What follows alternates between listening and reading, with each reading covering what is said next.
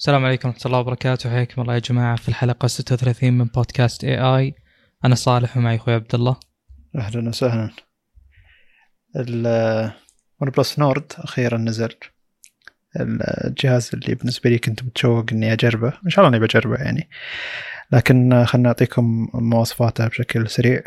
أول شيء المعالج Snapdragon 765 جي اللي هو جي 5 جي تكلمنا عنه مسبقا.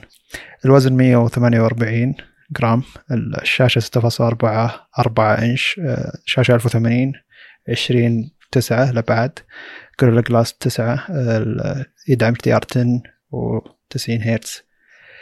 الذاكرة بالهند بس في نسخة 6 giga RAM 64 بعدين عالميا 8 giga RAM 128 12 giga RAM 256 الذاكرة UFS 2.1 هذا شيء يعتبر غير جيد بالنسبة ل OnePlus OnePlus كل أجهزتها الجديدة 3.0 وفوق.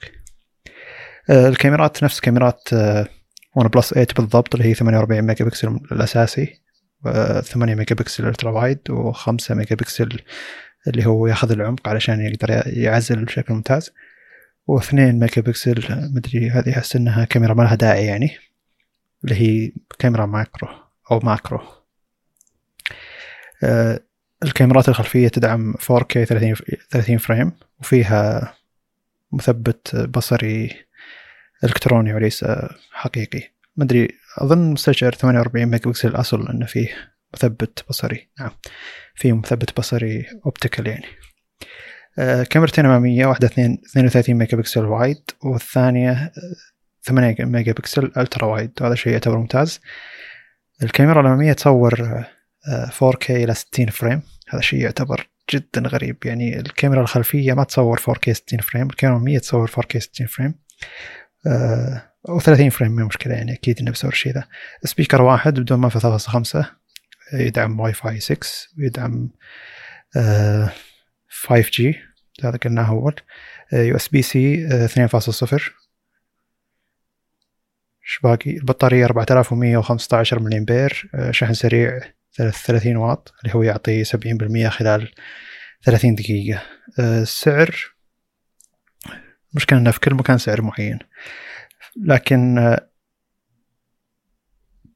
خلنا نعطي سعر بال أرخص سعر بالهند اللي هو يبدأ من ثلاث 300 و أظن 325 دولار الأول نسخة واعلى نسخة 400 دولار إذا حولنا الروبية الهندية إلى الدولار. لكن سعرها بأوروبا يبدأ من 399 وينتهي ب 499 يورو.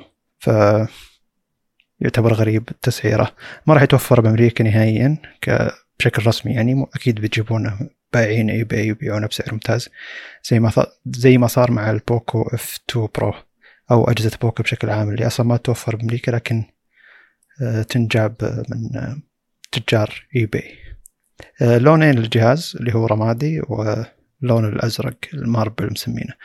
اللونين كلها لماعة وليس معتمة وهذا غير طبيعة OnePlus OnePlus في العادة تقدم جهاز معتم وجهاز لماع يكون لك الخيارين يعني. بس انتهينا هنا.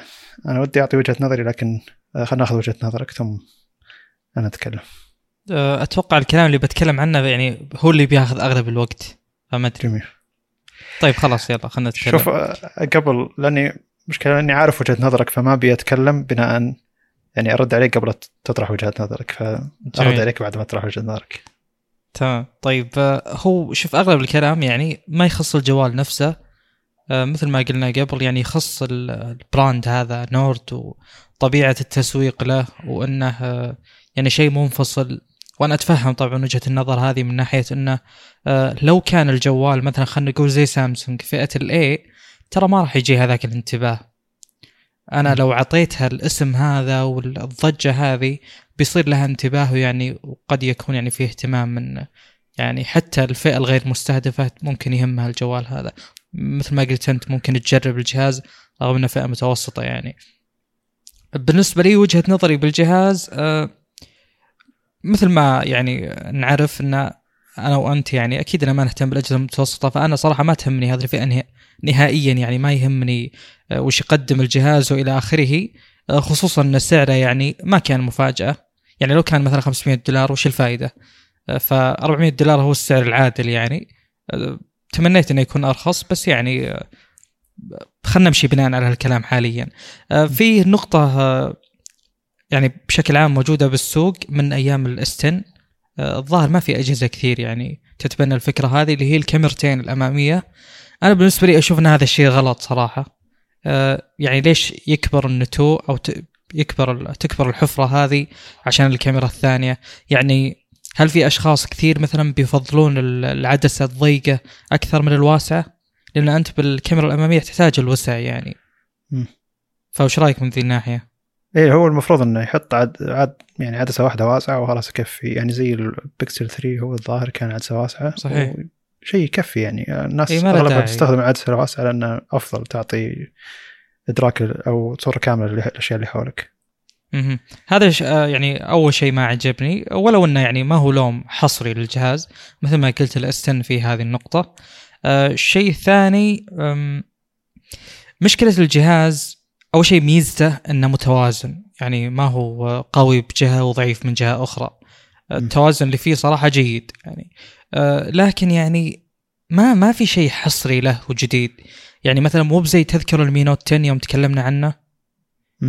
كان جهاز متوسط جاك وقال لك أنا الأفضل مثلا بالكاميرات. زين؟ جميل. أه بس ال Nord يعني ما في نقطة اللي والله ممكن آخذ الجهاز عشانها، هم سوقوا للجهاز بناء على أنه بيكون أه أرقام ال hardware ما تهم اللي يهم هو الأداء، طبعا هذا بالنسبة لي تسويق ضعيف جدا، أنت ما تقدر تقول هذا الكلام إلا إذا قدمت أفضل hardware، لأنك بتكون سويت كل شيء تقدر عليه. الشيء اللي إحنا ما نعرف عنه اللي هي تجربة الجهاز تقدر تمدحها عشان نجرب الجهاز. بينما انك تقول لي أرقام الهاردوير ما تهم عشانها ضعيفة عندك هذا شيء مضحك صراحة جدا مضحك يعني. يعني ما يحق لك تقول هالكلام من وجهة نظري يعني. قل إن هذا جهاز متوسط بيقدم لك أفضل تجربة أداء لاجهزه المتوسطة مو مشكلة. بس إنك تسوق له يعني بهذا المفهوم صراحة شيء ما عجبني. أه، باقي الأشياء يعني على 400 دولار بالنسبة لي لو تعطيني هذا المبلغ أنا شخصيا أروح لل 70 ولا أروح لهذا الجهاز. أنا ما أقصد الانتقاد ال يعني المركز عليه ابدا. أنا عجبتني فكرة ال brand جدا إنه مستقل إنه له color scheme على قولتهم يختلف نوعا ما. ولو إنه ما يختلف بس أتكلم ك packaging كذا كشعار كله حلو. بس غير كذا يعني للأسف هو دخل بمنافسة خلينا نقول مثلا يعني قريب من ال Poco F2 Pro صح؟ هذه مشكلة هذه ما تساعد الجهاز أبد صراحة. وفي نقطة ذكرها إذا أتوقع شفت المقطع Dave2D طلع يعني ال package حق الجهاز لونه أسود مع الازرق ال teal هذا. ويوم طلع الجهاز إلا الشاحن لونه أحمر فوين استقلالية يعني انه له ثيم يعني حرام إحنا وصلنا ل level عالي من إنه تماما مستقل بعدين فجأة الشاحن نفس اللون تماما. يعني أشياء Easter eggs على قولتهم بسيطة هذه بالنسبة لي أنا شخصيا تهم. أه الجهاز بالنسبة لي غير مغري وغير مشوق صراحة أه ابدا. أه ولا يعني مستحيل أشتريه شخصيا يعني مستحيل أجربه. أه لكن لكن مثل ما قلت التركيز على الجهاز هذا نفسه ممكن يكون ما هو عادل. لو نركز على ال brand وش توجه الشركة وش ممكن تقدم بالنسبة لي هذا الشيء يعني أفضل؟ لأن هذا ما هو قرار أو ما هو جهاز مرتبط بالوقت الحالي فقط. هذا بيتطور وبتجي منه أجيال أخرى لأنه خلاص brand يعني. أتوقع هذا اللي بقوله عن الجهاز أو ال brand حاليا. بكمل بعد ما تقول اللي عندك أسلم. طيب أول شيء وجود جهاز مثل Poco F 2 Pro هو غير عادل لكل الأجهزة المتوسطة وليس بس OnePlus لأن هذا الجهاز يعني كذا فهمت اللي أنت بتشتري جهاز متوسط ولا اخذ Poco F 2 Pro خلاص يعني وينتهي الموضوع. ما له أي منافسة بنفس السعر حقه. ف ودي إن نطلع OnePlus Nord من المنافسة هذه لأن كل الأجهزة المتوسطة ما تقدر تنافس الجهاز هذا. فلما تجيب ايفون SE ولا سامسونج A 51 ولا أي أجهزة متوسطة ثانية عموما من الشركات اللي تعتبر شركات كبيرة OnePlus Nord يقدر ينافسهم. أي شركة صينية ثانية تقدم جهاز متوسط يقدر ينافس OnePlus Nord بشكل مباشر ويمكن يكون أفضل منه. أذكر قد تكلمنا عن Realme X 50 Pro الظاهر أو شيء زي كذا وكان نفس الفكرة الجهاز حول 500 دولار أو أقل ومواصفاته مجنونة. ف الفكرة هنا إن دائما الشركات اذا ركزت على شيء وركزت على شيء واحد بالجهاز تهمل اشياء كثيرة ثانية بالجهاز. فزي الشاومي 10 ظاهر نسيت اسمه بالضبط. أو 10 Pro لا مو 10 المهم إنه آه، جهاز بس ركز على الكاميرا وحط 108 ميجا بكسل و 600 دولار مدري 700 دولار. وكل شيء غير الكاميرا غريب. يعني الجهاز مرة ثخين علشان الكاميرا كبيرة و... يعني في أشياء واجد ما اهتموا فيها على ان الجهاز هذا يقدم لك أفضل كاميرا لكن في أشياء واجد ثانية ما يقدم لك أفضل تجربة. فبالنسبة لي إن ون بلس تجيب جهاز متوسط وتوزع فيه المواصفات بشكل عادل وما تركز على التسويق من بشيء واحد بس هذا يعتبر ميزة وليس عيب لأن كل شيء بالجهاز يعتبر متوسط لأنه هو الجهاز متوسط. وما ركزوا على شيء واحد رفعوه مرة وأهملوا الأشياء الباقية. فمن الصعب إنك تحط خلطة ممتازة بسعر 400 دولار وما تهمل أي شيء وما تركز على أي شيء علشان التسويق. مع إنهم بالنسبة لي يعني أشوفهم ركزوا على الكاميرا بزيادة. ليتهم حاطين كاميرا أقدم من كاميرا ال OnePlus 8 لأن حاطين كاميرا ال OnePlus 8 حرفيا يعني جايبين نفس المستشعرات وحاطينها. لو جايبين كاميرات ال OnePlus مثلا 7 T مدري إذا كان في فرق بينهم وبين ال7 المهم انه لو حاطين كاميرات أقدم ومركزين مثلا على بطارية زيادة ولا رفعوا ال RAM البدائي ما يبدأ من 6 يبدأ من 8 حتى لو نسخة 64 مع انها هذه مخصصة للهند بس علشان 325 دولار ترى. وبصحح المعلومة اللي توني قلت الكاميرات الخلفية ما تدعم 4K 60 frame إلا تدعم 4K 60 frame. الموقع اللي قبله كان شوي مخبص. يعني ليتهم ما ركزوا على الكاميرا مثلا حطوا speaker ين ولا شيء أولى من كذا مثلا بالنسبة لي شخصيا. لكن في الغالب الناس تركز على الكاميرا. فلما تيجي تقول له إنه في جهاز ب 700 دولار اللي هو ون بلس 8 العادي مع إنه معالج أعلى وشاشة أفضل ويعني المفروض إنه أداء أفضل يعني. وبعدين تقول له لحظة في جهاز ب 400 دولار بنفس أداء الكاميرا ذيك. ترى ما راح يركز على أشياء غير الكاميرا خاصة إذا ما كان يلعب ألعاب. ف ما أدري شخصيا أشوف الجهاز توزينته حلوة لكن ولو حطوا معالج مثل 865 بيكون ظالم للأجهزة اللي فوق. فزي اللي هم قعدوا في حك حكروا أنفسهم في زاوية ضيقة وطلعوا بجهاز جميل صراحة. 400 دولار نسخة 12 جيجا RAM 256 هذا بالنسبة لي أفضل جهاز ب 400 دولار. لأن ترى Poco F 2 Pro ما يوصل 400 دولار دايم 450 وفوق. ف هل هذا صحيح دقيقة؟ 256 أنت قلت 400 دولار. إي نسخة الهند فقط. إذا كنت مم. تقدر تجيبه من الهند يعني. وفي العادة ترى أسعار الهند توصل AliExpress بعد شهرين ثلاثة من تجربة مع ال OnePlus 8 يعني. ف وفي ناس يقدرون يجيبون اجهزه من الهند عموما إنه آه يعني الحين الحين OnePlus 8 و 8 Pro AliExpress اللي هو يعتبر المكان الأفضل إنك تجيب من تجيب الجهاز يعني بما إنه ما توفر عندنا أو امازون الإمارات مثلا.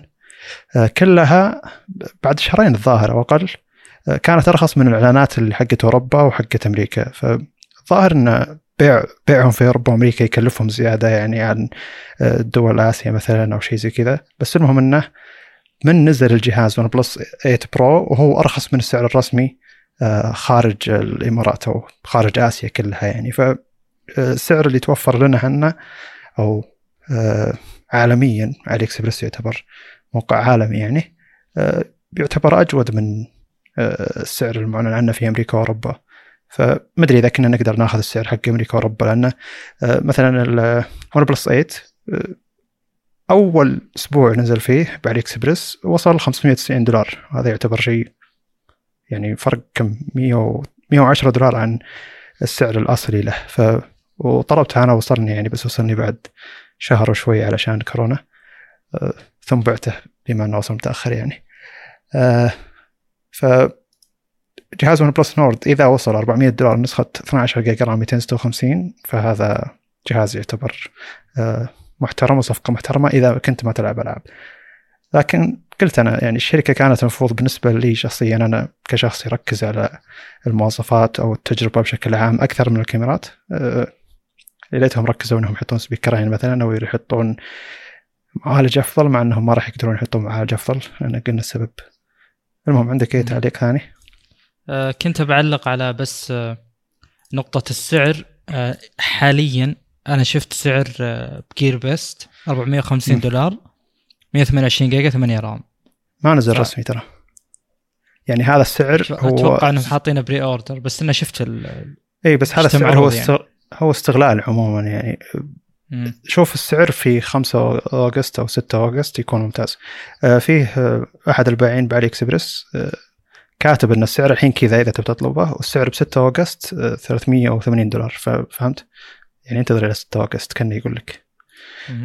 طيب شوف شوف يعني بناء على الكلام هذا آه نعلق مثلا على الموضوع خلينا نقول بالحلقة الجاية بس إنه لا نفترض انه 12 جيجا رام بيكون ب 400 دولار يعني حتى الآن آه الأشياء اللي أنا بعلق عليها إن فعلا فعلا يركز على الموضوع. الجهاز ما تفوق بمكان معين. يعني ما مو مثل البطارية جتنا 5000 ولا أكثر مثلا. مو زي اللي بس يقدم بطارية أفضل من الون بلس 7 T مثلا إذا افترضنا هذا الشيء بنفس السعر يعني. بس عموما يعني ترى عندنا يعني حقين مثلا ببجي طاحوا بالجهاز ون بلس 7 T ارتفع سعره علشانهم طاحوا في الجهاز وصار طلب أكثر من العرض. علشان الجهاز تقدر تلعب فيه ببجي بكل اريحيه أو سلاسة يعني الجهاز ما ما يتأذى من اللعبة نفسها. لكن ون بلس كون بلس نورد لا ما راح يعطيك الأداء حق ون بلس 7 T يعني ففي فرق أكيد. فحتى الجهاز هذا على أنه أقل سعر الا انه ما راح يكسب سمعة انه جهاز جيد في الألعاب. إنه هم نفسهم يقولون إنك أنت ما راح تحصل الفرق إلا إذا دخلت اللعبة بتحصل الفرق فرق الأداء يعني يكون جدا واضح. لكن الباقي يعني أنا في واحد من الشباب الحين قاعد يدور جهاز لأن ون بلس 6 حقه آه بادي شوي آه ما يعجبه يعني أو بادي زي اللي يعيد تشغيل نفس الجهاز أو في في مشكلة ممكن ألقى لها حل أو لا. المهم إنه وناوي يغير الجهاز فيقول لي آخذ ون بلس نورد ولا آخذ ون بلس 8 Pro مثلا. وهو شخص آه يعني واتساب وتويتر وتصوير. فهل تسوى إنك تدفع كم من 400 دولار إلى 500 دولار زيادة أو قيمة ون بلس 8 Pro ضعف السعر أو شو زيادة يعني 900 دولار آه، علشان آه، أداء بطارية زيادة مثلا أو شاشة أحسن بشوي حجم كبير مقابل انه هو استخدامه بس كاميرا وتويتر واتساب.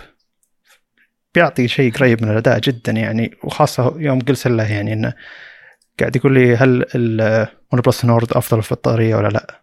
فطبعا ما في اختبارات بطاريه للحين العاده إني أعتمد على GSMArena نوعا ما باختبارات البطارية لأن اختبارهم شبه موحد أو في كم موقع يختبر البطاريه عموما إنه قد يكون حتى المعالج الاضعف ما يستهلك بطارية أكثر في المهمات البسيطة فيكون مفيد لها أكثر.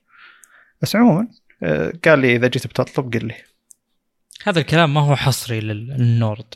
هذا الكلام م. نقدر نقوله على أي جهاز متوسط ثاني إذا تحتاج إذا ما تحتاج.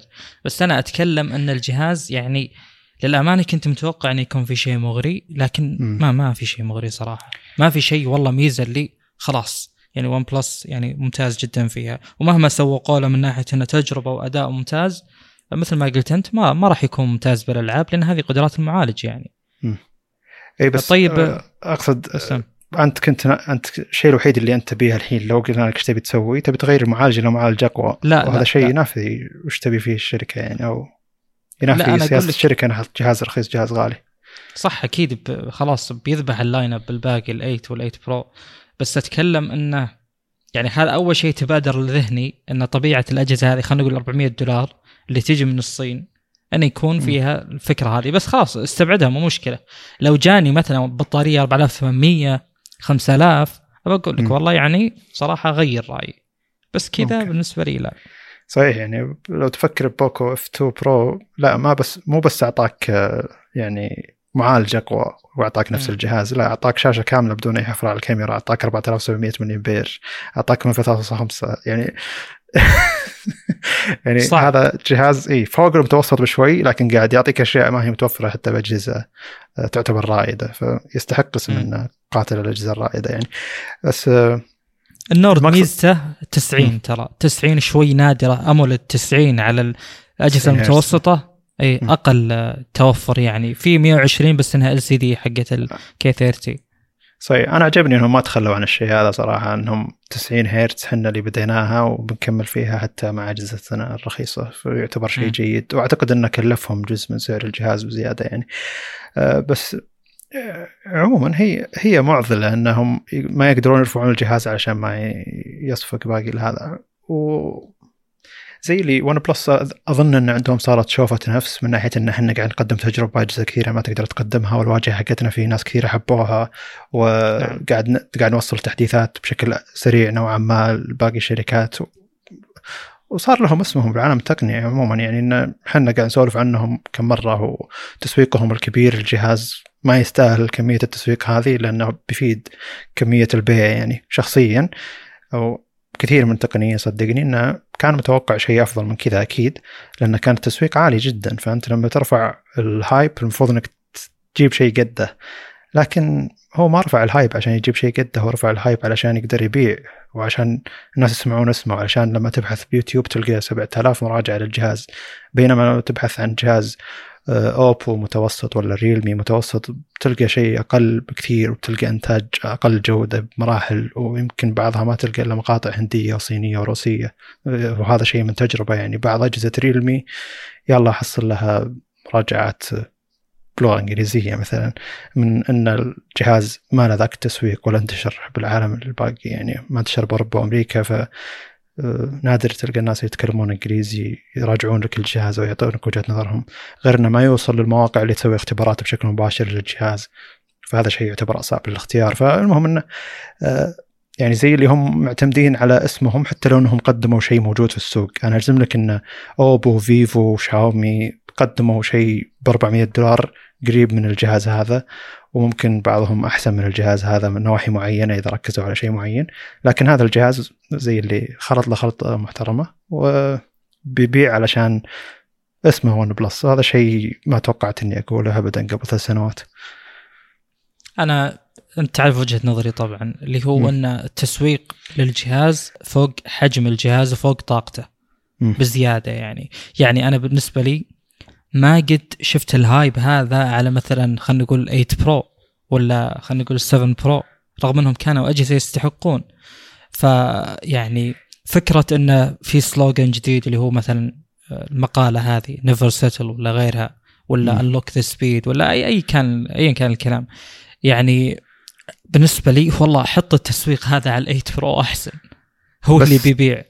بس جزء من التسويق إن ون بلس رجعت للأساس حقها اللي هو إنها تبيع أجهزة رخيصة وبتقدم هذا اللي ما رخيص. عجبني هذا جزء هذا من اللي ما التسويق عجبني. يعني. أبو فيصل كانوا يقدمون hardware ممتاز وشيء فعلا يعني آه، مخفف وإلى آخره يحب على قولتهم خلينا نقول purist حقين اندرويد يحب م. يعني يحبونه حقين تجربة الخام بس ال Nord معليش م- هم دائما يقولون المراجعين يقولون return to its roots صح؟ مم. اي هذه مو هذا أقل من. الجهاز هذا أقل حتى من بداياتهم يعتبر. نعم. آه، بس عموما يعني ك... لما تشوف إنهم شركه نضجت من ناحية شوي الكاميرا نضجت من ناحية الشاشة نضجت من ناحية التصميم ف زي اللي مرات تقول إن الجهد المبذول في نواحي ثانية ونضج شركة من هالنواحي يهيئ لها إنها تسوي جهاز زي كذا وتبيعه. وصدقني هم مو حاطين ببالهم إن آه، ممكن التسويق يأثر على المبيعات بشكل سلبي أكيد, أكيد. إنه بيأثر بشكل إيجابي آه، لأن تسويق جدا كبير إذا. إذا المقاطع اللي قاعد تنتشر له باليوتيوب قاعد توصل يعني مية ألف مشاهدة وفوق يكفي الاهتمام هذا يعني إن الجهاز راح يبيع إذا نزل و- والفكرة أن الأجهزة المتوسطة قاعد تزداد جودة تبعتها يعني شركة ون بلس. والفكرة أن الأجهزة المتوسطة هي اللي تبيع أكثر بالإحصائيات. يعني أجهزة سامسونج اللي تبيع أكثر هي فئة ال A أكثر من أي فئة ثانية. فزي اللي أتوقع أنهم يبون يبيعون الجهاز هذا بكميات أكبر حتى من الأجهزة الكبيرة حقتهم. وأعلنوا عن شيء ثاني اللي هو سماعة ون بلس Buds كذا سموها صحيح. آه، فالفكرة إن هنا إن نسخوا سماعة آبل النسخة الأولى وحطوها ب 79 دولار. الأشياء الغير إيجابية اللي سووها بالسماعة إنهم حطوا التصميم ون بلس Air Air, Pods الأساسية حقت آبل اللي هو بدون ربل علشان تثبت بالإذن بشكل ممتاز وتعزل الصوت اللي برا وتثبت على أي إذن بشكل عام يعني. وحاطين عادي بلاستيك كذا يابس يمكن يضبط على إذنك ما يضبط والعزل فيه بيكون سيء.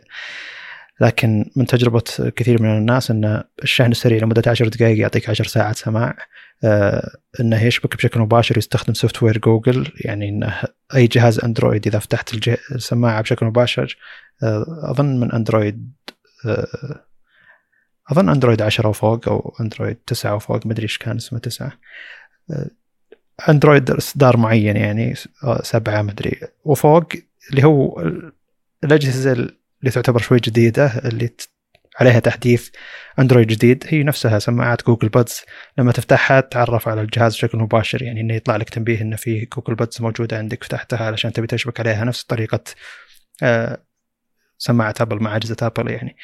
جوجل سوتها وصارت تسويها على كل أجهزة أندرويد من إصدار معين يعني وفوق. يعتبر شيء شيء جيد إنك ما تحتاج تدخل بلوتوث تدور السماعة وتشبك عليها.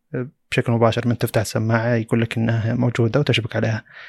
الحركة هذه سوتها جوجل مع جوجل Buds و ون بلس استخدموا نفس ال software الموجود على سماعات جوجل Buds علشان آه، من يفتحها أي أحد جنب أي جهاز أندرويد من آه، الاصدارات الحديثة بيتعرف عليها بشكل مباشر. هذا يعتبر شيء جيد.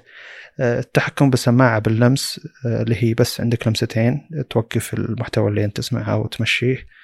وممكن تقدر تتحكم فيها إذا كان عندك جهاز ون بلس واظن انهم بيطلقون تطبيق للجهاز أو إنهم بيعتمدون على تطبيق حق جوجل Pixel Buds أو ما أدري احتمالية بما أنهم يستخدمون نفس ال software الموجود على Pixel Buds أو إيه Pixel Buds صحيح.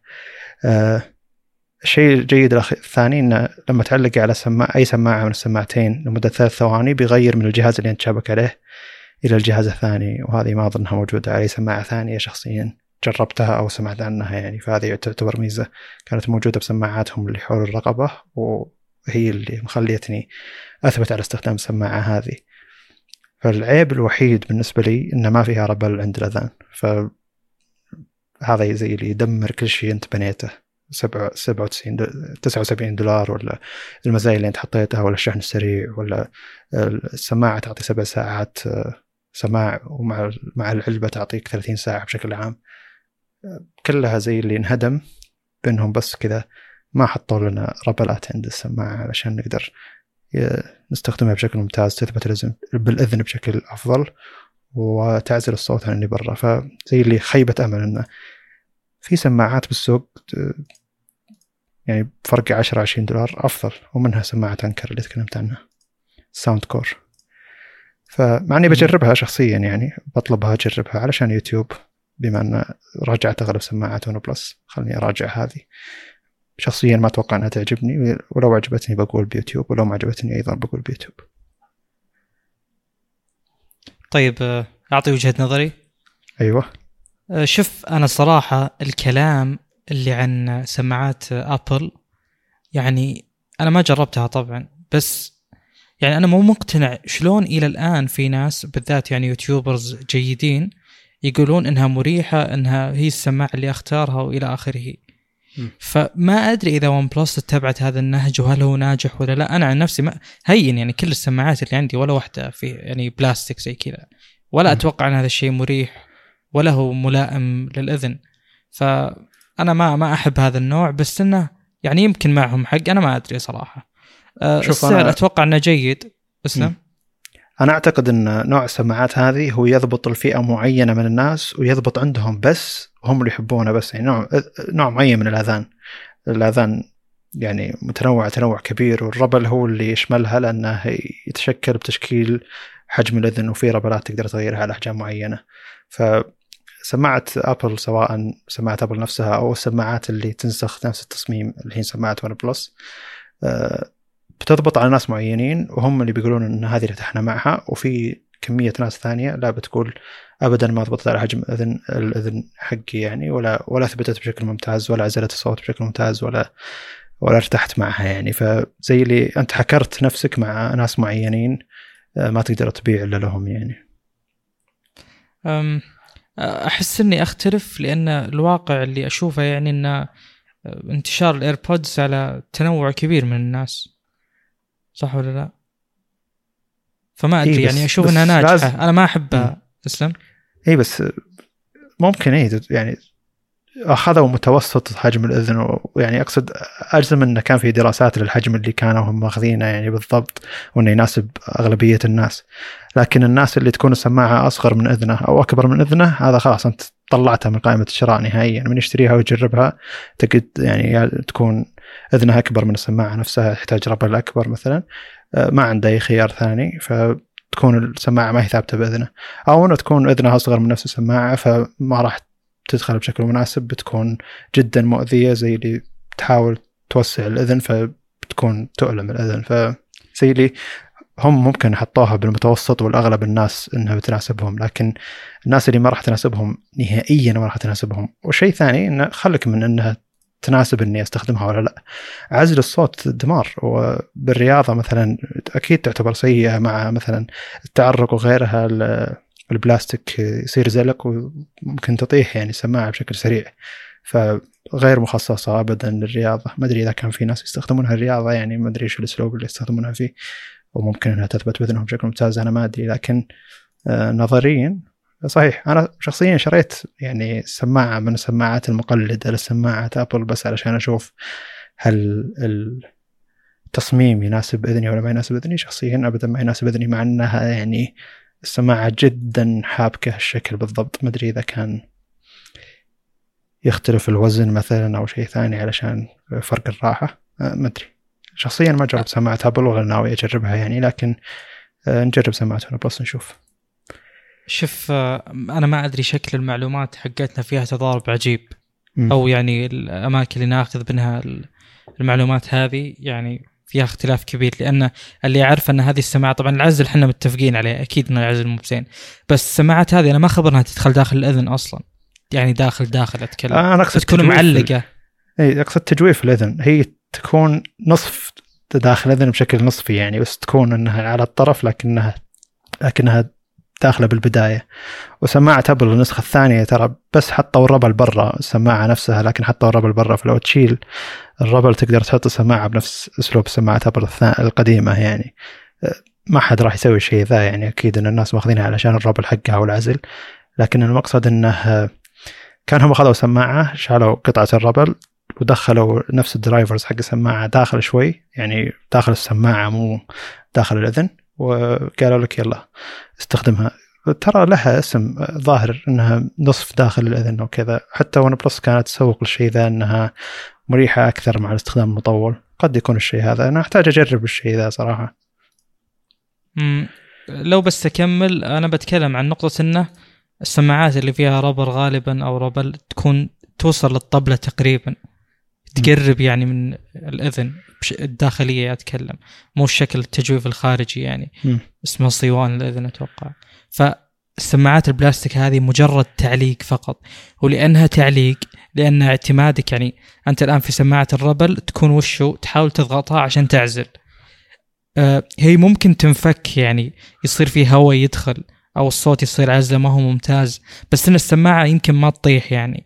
بينما السماعات اللي بدون كذا اللي بس بلاستيك هين ما في عزل بس إنها أصلا ما تطيح. أغلب اللي سمعت كلامهم Unbox Therapy و MKBHD كلهم يقولون إن إذا تبي شيء ما يطيح وزي كذا تبي شيء رياضي أكثر تأخذ حقة ابل فأنا أتوقع إن التصميم هذا يفيد الحركة بشكل أكبر لكن لا جودة صوت ولا عزل في الأصل يعني. طبعا العزل أكيد يضاعف جودة الصوت ووجود ال bass من عدمه وكذا. فأنا أحس إني متفهم الفئة اللي هم مستهدفونها أو خلينا نقول أحس إني متفهم السوق اللي هم يبون يوصلونه بشكل عام. فعشان كذا أنا ماني مرة زعلان على السماعة ومتأكد إن أصلا يعني الأصل إن في فئة أعلى منها ولا؟ هم إلى الحين يشوفون إن فئة الون بلس بولتس النسخة الثانية هي الأعلى. نزلوا بعدها نسخة Z آه، ونزلوا الحين النسخة ون بلس بادز كلها أدنى منها بالسعر وأدنى منها في في, في الأداء الصوتي. ف إلى الحين السماعة اللي عندي وعندك يعني هي تعتبر الأعلى بالنسبة لهم من ناحية السعر من ناحية الاداء الصوتي. فاحتمالية إنهم يسوون سماعة ثانية مع rubber وينسخون سماعة أبل النسخة ال Pro. وهذا بيكون شيء ممتاز. إلى 100 130 دولار ما عندي مشكلة يعني. يعني تقصد الفري وايرلس هل تستبدل البولتس طيب؟ ما أدري والله. يعني أقصد إنه تحتاج تجرب شيء ذا بشكل مطول يعني خاصة الحين إن إني ما أطلع من البيت كثير فالسماعات اللي true wireless يعني هي اللي استخدامي لها أكثر إني ما إنها ما هي حر رقبة. لكن بالطلعات عموما استخدام سماعات الحر رقبة هو الأكثر. ف مدري يعني يحتاج المسألة تحتاج تجربة أكثر صراحة. و ما أدري أحس إن ون بلس بالمؤتمر هذا بشكل عام آه، تعالوا الأجهزة المتوسطة هي الأكثر مبيعا نزلوا جهاز متوسط وش, وش أكثر true wireless مبيعا آه، سماعه ابل النسخه الأولى يلا نزل نسخة زيها ف زي اللي ركزوا على وين كميات البيع خلينا ننزل منافس. أها صحيح واضح يبدو لي هذا الشيء. طب نواصل. آه يلا نواصل. إذا في شيء بتذكر لحظة في نقطة بس ذكرتها اللي هي. الحين أنا بالنسبة لي أحب على قولتهم الأجانب الاوثنتسيتي اللي هو م. الأصالة بالمصنع أو الأصالة بالشركة هذه إنها يعني أنا ما أقول لك غير توجه أو معليش ما أقول لك غير منتجاتك وسع سوقك عادي بس مو تجيني وتسوق لنفسك بشيء معين بعدين خلاص الشيء المعين هذا راح تماما ون بلس من البداية قالوا حنا أفضل قيمة مقابل سعر آه رخيص بمواصفات ممتازة إلى آخره. الحين ال Pro وينك وين الرخيص بمواصفات ممتازة؟ أنت الآن تنافس بنفس يعني معطيات الأجهزة العالية أو الشركات الباقية. أنا ما أحب التغير هذا. آه يعني مثلا الآن شوف سامسونج يعني صح إن أسعارها ارتفعت بس ما قد سوقت لنفسها إنه والله إحنا بنوفر لك آه يعني أفضل قيمة مقابل سعر وأجهزة رخيصة وإلى آخره. أتكلم بفئة ال S يعني. آه، وأيضا شركات أخرى. هواوي نوعا ما أخذت نفس توجه ون بلس يعني أجهزتها ما كانت غالية والحين صارت غالية جدا. آه، أجهزة أو شركات زي شاومي يعني ما تغير فيها شيء صح ولا لا؟ أنا أحب كذا.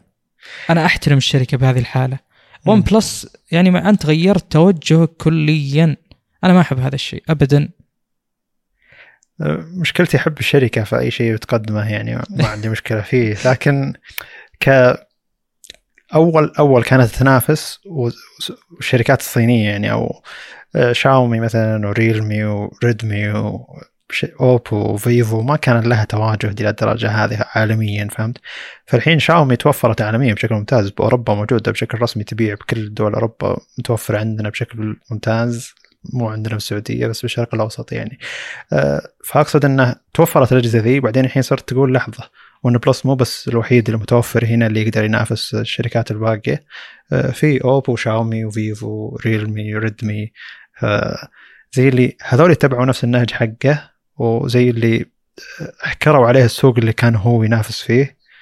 يعني أقصد شركة ون بلس كانت تنافس فيه. فزي اللي خلينا نطلع من السوق هذا اللي صاير فيه آه، الحرب فيه أقوى من حرب إنك تصعد وتقدم جهاز premium ما حد ينافس بالمجال ذاك الا شركات آه، تعتبر نوعا ما كبيرة يعني. ف ما أدري أحس إنه شوي هرب من منافسة الأجهزة ال flagship flagship killer يعني وخاصة مع وجود شاومي بوكو يعني أنا من طلع الاسم هذا وأنا قاعد أقول إن هذه واجهة شاومي الجديدة اللي هي زي ما OnePlus هي واجهة Oppo آه واجهة Oppo إي صحيح. آه فزي اللي هذه شركه بو Poco هي واجهه شاومي الجديدة ومن المعت... من المتوقع يعني بما أن شاومي أكثر إبداع من Poco في وجهة نظري الشخصية أن Poco بيصير أفضل من Plus مجال أنها تقدم جهاز رخيص مقابل السعر. وفعلا يعني خلال سنتين ثلاثة آه، قدموا لنا جهاز آه، قوي جدا مقابل السعر. امم هو مثل الكلام يعني آه، ما ودي أكرر زيادة بس يعني تخيل شخص يجي للناس مثلا توه آه، بادي شيء معين سواء حساب إنستغرام ولا قناة يوتيوب ولا شيء ويسوق لنفسه بشيء معين ثم بعد فترة يتغير ويصير المحتوى اللي كان يقدمه ما هو موجود أصلا. فنفس الأشخاص اللي رفعوك يعني أنت هم هم اللي وصلوك لذا المكان. فأنت الآن كأنك قلبت عليهم أنا أدري إن هذا business أنا أدري إن في ناس كثير يعرضون كلامي. يقولون هذا business. يعني الشيء اللي يبيع نمشي عليه. بس إنه يا أخي آه، أنت شركة كبيرة هي تبع آه، وش هو شو اسمها؟ الشركة الأم ال OnePlus. BBK. إي الظاهر. الزبدة. كلهم. مملوكين إيه. شركة صينية أكبر. م. عموما أنا أقصد إنه طلع براند ثاني طلع اسم ثاني طلع هوية ثانية. بس بنفس الهوية آه، تقول لي ان يعني أنت تجي من هذا التوجه اللي هو الرخص مقابل الاداء وما أدري وشو. بعدين آه، تغير توجهك هذا شيء ما يعجبني أبد. امم شوف يعني الناس اللي يحبون التقنية مساكين يعني صراحة بالنسبة لي اللي هو تجيهم شركة وتقدم لهم كل اللي يبون بالسعر اللي يبونه. هم ما يقدرون يقولون لا للشيء ذا ويقدرون ينصحون الناس فيه ويتكلمون عنه وذا. بعد فترة إذا شركة انطنخت وتقدر إنها تنزل جهاز أقوى بمراحل وتقدر تركز على فئة حتى ما تحتاج تسوق لها بشكل متعب ولا تحتاج تحط لها خلطة خرافية ومواصفات رهيبة زي النورد مثلا الحين آه، خلاص تقدر تسوق بشكل مباشر للناس اللي أنت أصلا واصل اسمك لهم. فزي اللي الناس اللي كان يهمه المواصفات مقابل السعر ما يهمه OnePlus الحين نهائيا. وش شركة OnePlus موجود؟ مثل شركة Poco ولا Redmi ولا. فزي اللي هم استخدموا الناس اللي يحبون الشيء ذا إنهم يسوقون لهم يرفعون اسمهم ويوم رفعوا اسمهم ما عادي خلاص يعني السلام عليكم. وترى هذا شيء يصير بأشياء كثيرة. لما تشوف أي شركة توها بادية تستخدم الناس اللي مرة يحبون الشيء هذا اللي هم بادين فيه إنهم يسوقون لهم بطريقة إنهم يجيبون لهم وش يبونهم بالضبط. ثم بعد فترة إذا خلاص يعني ملكوا جزء كبير من السوق وقادرين يبيعون ويسوقون بشكل أكبر آه، سحبوا على وش يبون الناس ذولي وركزوا على وش يبون عموم الناس. وهذا الشيء اللي قاعد تسويه Plus الحين خلال سنتين الماضيه فأول كان المواصفات مقابل السعر ما راح تلقى أسرع مننا Never Settle يعني و the speed you need وكل يعني شعار تسويقي أروع من الثاني بالنسبة للشخص اللي يهمه المواصفات مقابل السعر. ثم آه، شنو؟ الكاميرا أحسن كاميرا عندنا. ترى تطورت كاميراتنا والحين ون بلس نورد حطينا عليه الكاميرا حقتنا الكبيرة. معليش بس الشخص اللي يهمه المواصفات مقابل السعر لا اعطني المواصفات مقابل السعر. الكاميرا آخر شيء أفكر فيه. الكاميرا تقدر تقدر تعطيني أرقام يعني ممتازة مقابل السعر الكاميرا. لكن ما يهمني إن أنت جايب الكاميرا والجهاز الكبير ولا قاعد تسوق من الناس يعرفون يصورون ولا يعني مو أسلوب التسويق هذا اللي يناسبني. لكن هذا أسلوب التسويق اللي يناسب أغلب الناس. لو تركز على هاي سامسونج أبل لما يجون يركزون على تسويق كاميراتهم يجذبون غالبية الناس. ما يجذبون الناس اللي تهتم وش المواصفات حقت الجهاز. آه، يجذبون غالبية الناس. أوه الجهاز ذا كاميرته ممتازة. أكثر شيء لما تروح أي محل يعرض جوالات أول شيء يسويه أي شخص ياخذ الجهاز يروح يفتح تطبيق الكاميرا يعني صح. فبتوقع تركيزهم على الكاميرا الفترة الأخيرة هذا يوضح أنه ما عاد هم يركزون على الناس اللي تهتم بأفضل قيمة مقابل السعر. صاروا يهتمون بعموم الناس. وأتوقع هذا يعطيهم كميات مبيع أفضل. في البدايات استخدموا الناس ذولي علشان يسوقون لهم. ثم الحين آه، ما لنا إلا بوكو. جميل.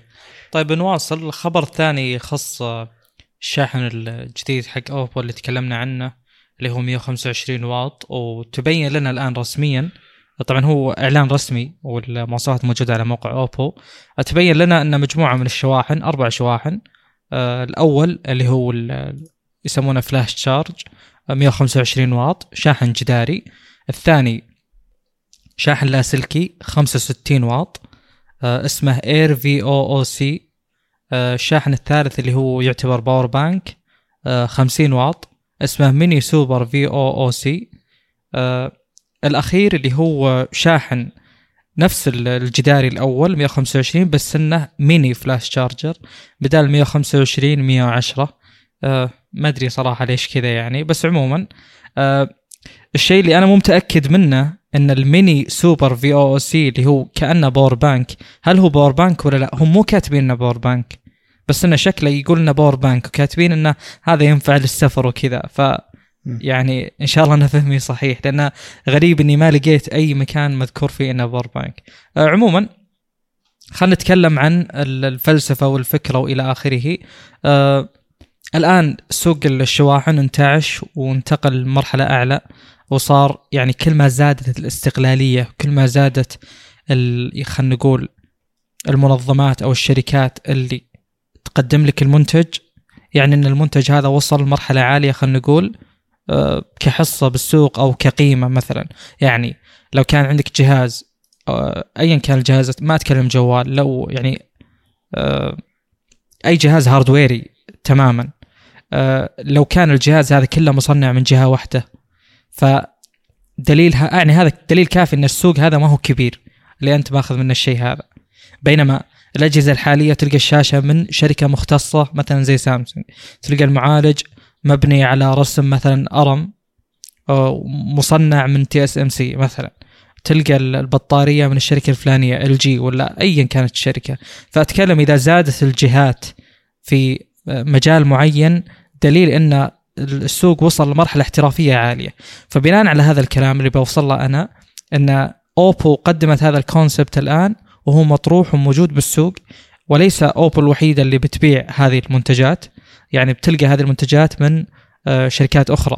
فالآن سوق الشواحن أشوف إنه انتعش بشكل كبير. يعني عادي بكرة تلقى ال Air VOOC اللي هو ال wireless تلقاه عليه brand خلينا نقول OnePlus ولا عليه brand أي شركة ثانية شاومي مثلا.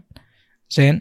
فيعني هذه الفكرة بشكل عام يعني السوق فعلا فعلا آه، انتعش وحاطينهم مثال للأخبار يعني تتكلم إن آه، ال 125 واط هذه آه، يعني هذا بمقدار شحن لابتوبين شحنهم سريع وفي نقطة أتوقع يعني أفضل إنك أنت تذكرها اللي هي تقسيمة إنك تشحن أربع بطاريات أو شيء من هذا القبيل. جميل. أسلم. إحنا في تكلمنا في الحلقة الماضية عن الشواحن السريعه وكان الموضوع شوي مشوش لأن كل شركة صينية أعلنت عن شاحن 125 واط بشكل مفاجئ وكل واحدة حاطت لها يعني اسم. كل شركة مسميتها ألترا مدري وش وشركة مسميتها آه، يعني كل شركة حطت لها اسم. آه، طلع هو إنه مصدر واحد أوبو بايع بايع يعني مرخصة للش... 23 مصنع إنه يصنع الشاحن ال 25 واط حقهم بالأسلوب اللي هم آه، مستخدمينه. والأسلوب اللي هم مستخدمينه يعتبر ممتاز. آه، شاحن VOOC القديم حقهم أظنه 65 واط أو شيء زي كذا. آه، أيضا كان يعتبر سريع وكان تقريبا يستخدم نفس الطريقة هذه. الفكرة هنا ان يعني المنفذ USB-C ما يشحن لك الا 120 100 واط فهم قدروا بطريقة معينة ما أعرف حتى شلون أشرحها إنهم ولا هم يشرحونها أصلا الناس إنهم يحطون شاحن 125 واط من يو اس بي تايب سي إلى يو اس بي تايب سي فهذه تعتبر شيء مبهر. الشيء المبهر الثاني انه من منفذ ال Type-C نفسه اللي هو يعطيك آه، طاقة بشكل مباشر للبطارية. يصير في مكثف ومنظم إلى أن توصل للبطارية. فالمكثف والمنظم في شاحن Oppo الجديد هذا 125 واط اللي هو يعطيك تقريبا يوزع الطاقة على ثلاث أجزاء من البطارية. فأنت عندك شاحن بطارية مثلا 4000 ملي أمبير زي اللي يوزع الطاقة الموجودة من 125 واط على أربع آه، أسلاك أربع آه، منافذ للبطارية. بحيث أنه كأنه يشحن آه، بطارية 1000 ملي أمبير أو أربع بطاريات 1000 ملي أمبير بال 125 اللي جته ويرجع الطاقة أو يعني زي اللي يوصل الطاقة اللي يحتاجها لأربع بطاريات. هذا يفيد من ناحية أنه ما في حرارة يعني ما راح يسبب حرارة وأنه يحافظ على عمر البطارية بشكل عام. فالفكرة هنا أنهم ما يزودون لحظة البطارية أول شيء قوة الشحن أنه بالواط. ناخذ الإمبير نضربه في الفولت علشان يطلع لنا الواط. فأغلب الشركات إذا جت تحاول تسوي شاحن سريع آه، تزود الفولت وتخلي الإمبير زي ما هو. وإذا زودت الفولت وخليت الإمبير زي ما هو آه، في الغالب إنه بسبب حرارة. فهم زادوا الإمبير وزادوا الفولت بمقدار معين بحيث إنهم يوصلون 125 واط وما يسبب هذا الشيء حرارة من ناحية إنه ال USB-C قاعد ياخذ الطاقة هذه ويوزعها على البطاريه والحرارة الثانية أن البطارية تشحن بشكل سريع فهم حلوا المشكلة هذه بأنهم وزعوا الطاقة من 125 واط إلى أكثر من منفذ للش... للبطارية نفسها فكأن الطاقة هذه قاعدة تتوزع على أكثر من بطارية في البطارية نفسها هذه. أنا حطيت فرضيا أنها تكون مثلا هي 4000 ملي امبير تكون 1000 ملي امبير 1000 ملي امبير 1000 ملي امبير 1000 ملي امبير أو أربع. كل كل 1000 ملي أمبير يكون آه، بطارية واحدة. فيعتبر حل جيد وحلوا مشكلة الحرارة وحلوا مشكلة عمر البطارية. فلما يكون عندك آه، تقسيم كأنها أربع بطاريات تنحل المشكلة هذه إنه ما يكون فيه آه، زي الاستهلاك للبطارية إنها تنشحن بسرعة البطارية الواحدة ل 4000 ملي أمبير ولا يكون فيه مشكلة إنه يكون الحرارة اللي تأثر على البطارية بشكل مباشر. ف شكرا لهم إنهم حلوا مشكلة إن الشحن يكون سريع الشحن يكون سريع وحلوا مشكلة إن البطارية تكون عمرها ممتاز وحلوا مشكلة الحرارة انه في البطارية نفسها إذا انشحنت بسرعة وحلوا مشكلة الحرارة في المنفذ إذا كان يشحن أيضا بسرعة وحلوا مشكلة إن ال USB-C محدود آه، إلى 100 واط. ما أدري شو حلوا المشكلة هذه إن ال USB-C محدود إلى 100 واط ووصلوه إلى 125 واط. فيعتبر شيء جيد هذا. قد قريت آه، معليش أذكر هذه النقطة. قد قريت ما أدري ما أدري وش كان الشيء ذا صراحة. إي صح ذكرت آه، الحين شاشة سامسونج الجديدة اللي هي أتكلم ال Odyssey G9 المفروض إن ال DisplayPort 1.4 ما يقدر يعطي 5120 ب 1440 على يعني ب 240 هرتز يعني ما هي من قدرات المنفذ هذا. بحثت بالموضوع لقيت ان الظاهر إنه في تعديل على المنفذ أو إنه يعني نقدر نقول مثلا USB بشكل عام يعني توفر للمصنعين شوي إنهم يلعبون يعني بمقدار معين. إنهم يعدلون يعني على التصميم ويوفرون مثلا pin إضافي أو pins إضافية عشان يوصلون لهذا الشيء. فأنا مرة استغربت صراحة. يعني أذكر إني كنت أقول وبكامل الثقة يوم كنت أتكلم عن الشاشة إن أكيد إنهم مستخدمين DisplayPort 2.0 بس طلع هذا الشيء مو بصحيح. ف جميل. لاحظت هذا الشيء بالسوق أكثر من مرة حتى على طاري ال Type-C انه أحيانا آه، في شركات تقدم منتج فوق مواصفات ال Type-C جميل. آه، يعتبر شيء غريب والشيء الجيد إن الشركات أغلبها قاعد تعتمد الشيء هذا اللي هو خذوا شاحن اوبو نفسه وزي اللي تعدينا عقدة إنه ال USB-C بس 100 واط. وصلوها 125 واط. ما أدري إذا كان السلك لازم يكون من عندهم إذا كان السلك نفسه محدود من الشركات الباقية. لكن عموما إن شاء الله هم يوفرون الشاحن آه، بالكرتون. مو زي بعض الشركات اللي بتشيل الشاحن من الكرتون. ف... أستبعد أستبعد جدا جدا جدا. يعني هم الحين الظاهر آه، يعني يا أخي. مثلا سامسونج شاحن ال 30 واط اللي يجي مع الجهاز خلينا نقول هو ما أدري كم 25 ظاهر أو 30 عموما تدفع 50 دولار مدري كم زيادة عشان تاخذ شاحن 45 مدري 50 فشلون تقول لي 125 يجي مع الكرتون؟ يعني هو أصلا في أكثر من نسخة في ال flash charge وفي ال mini flash charge. في واحد 125 والميني 110 فهو ليش يعطيك الأفضل؟ وين يبيع ال mini flash هذا؟ ما هي مشكلة. أقصد يعني إذا كان ال mini flash علشان حجمه صغير 110 واط حط لي في الكرتون ما عندي مشكلة. 110 تعتبر أسرع من أسرع شاحن سريع يجيك 50 يعني. بالكثير أتوقع. لا بس عموما بي... في نقطة ما ذكرتها أنا معليش. آه بس سم. يعني إعادة سريعة. الشاحن الأساسي 125 الشاحن ال wireless آه 65 ال power bank 50 واط. هذا شيء يعني مخيف صراحة. يجي منفذين بحسب اللي قريته. في منفذ 50 ومنفذ 27 والأخير اللي هو الميني 110 أسلم. أذكر في power bank 65 واط شيء زي كذا يشحن لابتوبات أه، بس عموما إنه شيء مفيد الشيء هذا يعني. أه مسلم. يعني في المستقبل إنك تشتري شاحن سريع من اوبو وتقدر تشحن فيه لابتوبك ال MateBook يعني. تشحن فيه أكثر من شيء لو تبي. آه طيب نروح نروح الخبر اللي بعده.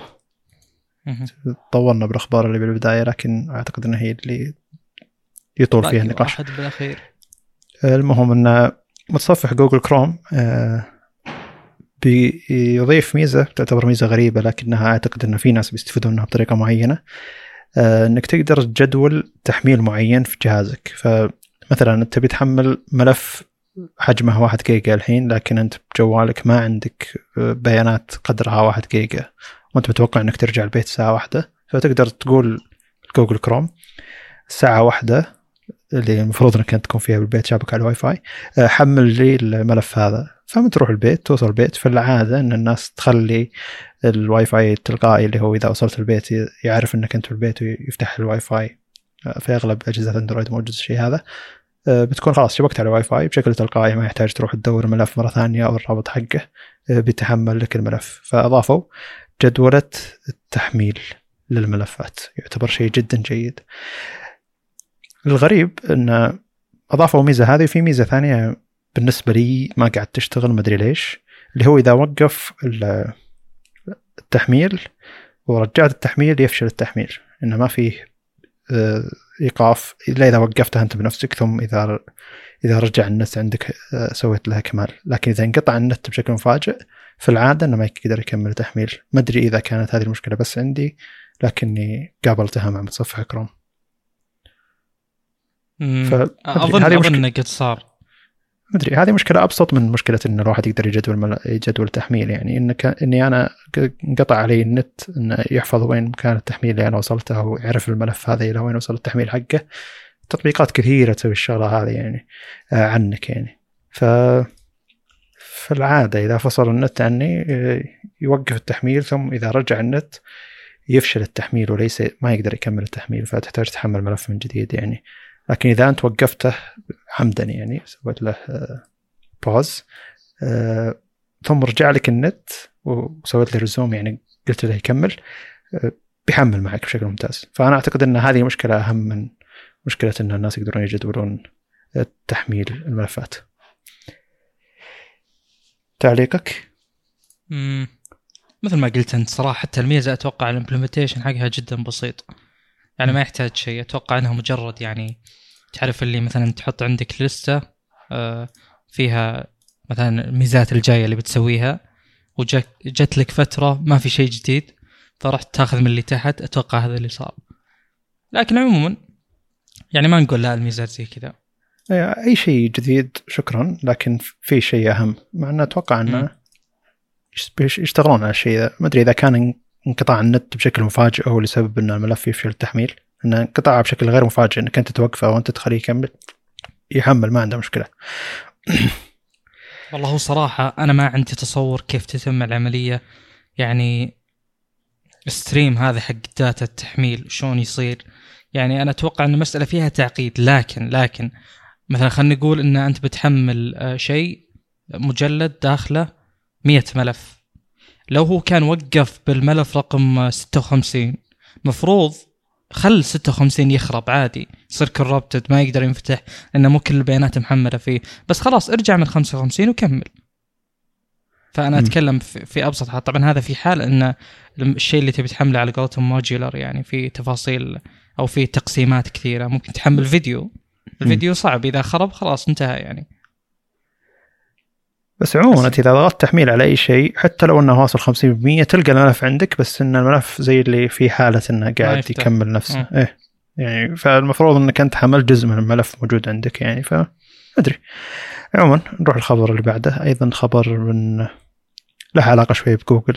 آه واحد من موظفين جوجل اللي هو كان موظف بقسم Pixel Camera app أو تطبيق آه الكاميرا حق جوجل وكان مخصص بالضبط يعني كان يشتغل آه اشتغل على المزايا التالية ال HDR 10 الموجود في أجهزة بيكسل ال portrait mode وال night shift أو night mode اسمه عند جوجل أو عند جوجل بيكسل آه night shift وهو يشتغل بالضبط بالفريق حق ال computation photography technology اي فريق بيكسل حق الكاميرات بالذات يعني حق الكاميرا الفوتوغرافي. الموظف هذا طلع من جوجل بيكسل وراح الحين يشتغل مع أدوبي على تطبيق آه، عام للكاميرا. يقدر أي أحد من أي جهاز يحمله ويقولون إن التطبيق هذا بيكون شيء ممتاز لأن الشخص هذا بنفسه هو أشرف على تطبيق آه، جوجل بيكسل حق الكاميرا فاحتماليا إن أدوبي تسوي لنا تطبيق ممتاز للكاميرا. أتمنى إنه ما يكون له اشتراك ويقدرون يحسون الدنيا زي ما يسوون كالعادة. أه وأتمنى انه يطبقون فكرة انه فيه مستشعرات يستخدمونها أغلب الشركات بشكل عام فيطورون كاميراتهم أو يطورون تطبيقهم علشان يشتغل على المستشعرات هذه بشكل ممتاز. ما أدري إذا كان الشيء هذا بيشتغل بشكل ممتاز ولا لا لكن الناس خايفة مع تنوع أجهزة أندرويد مع تنوع كاميرات أجهزة أندرويد مع إن المستشعرات ما تفرق كثير ترى. يعني في الغالب الناس يستخدمون نفس ال 48 ميجا بكسل في الغالب يستخدمون نفس ال 108 ميجا بكسل حق شاومي وسامسونج نفس المستشعرات اللي قاعد تجي. آه، مستشعرات سوني المستشعر الجاي حق سامسونج. تكلمنا عن المستشعرات بشكل مطول في حلقات ماضية يعني. فأتمنى إنهم يأخذونها بشكل مباشر إن تطبيقنا يشغل المستشعر بطريقة معينة علشان ياخذ افضل جوده تطبيقنا يشتغل مع المستشعرات الفلانية. فلو فلو جهازك يستخدم أي مستشعر من المستشعرات هذه آه، المفروض إنه يشتغل بشكل ممتاز. فهذا ما أتمناه وليس الخبر يعني نفسه. تعليقك؟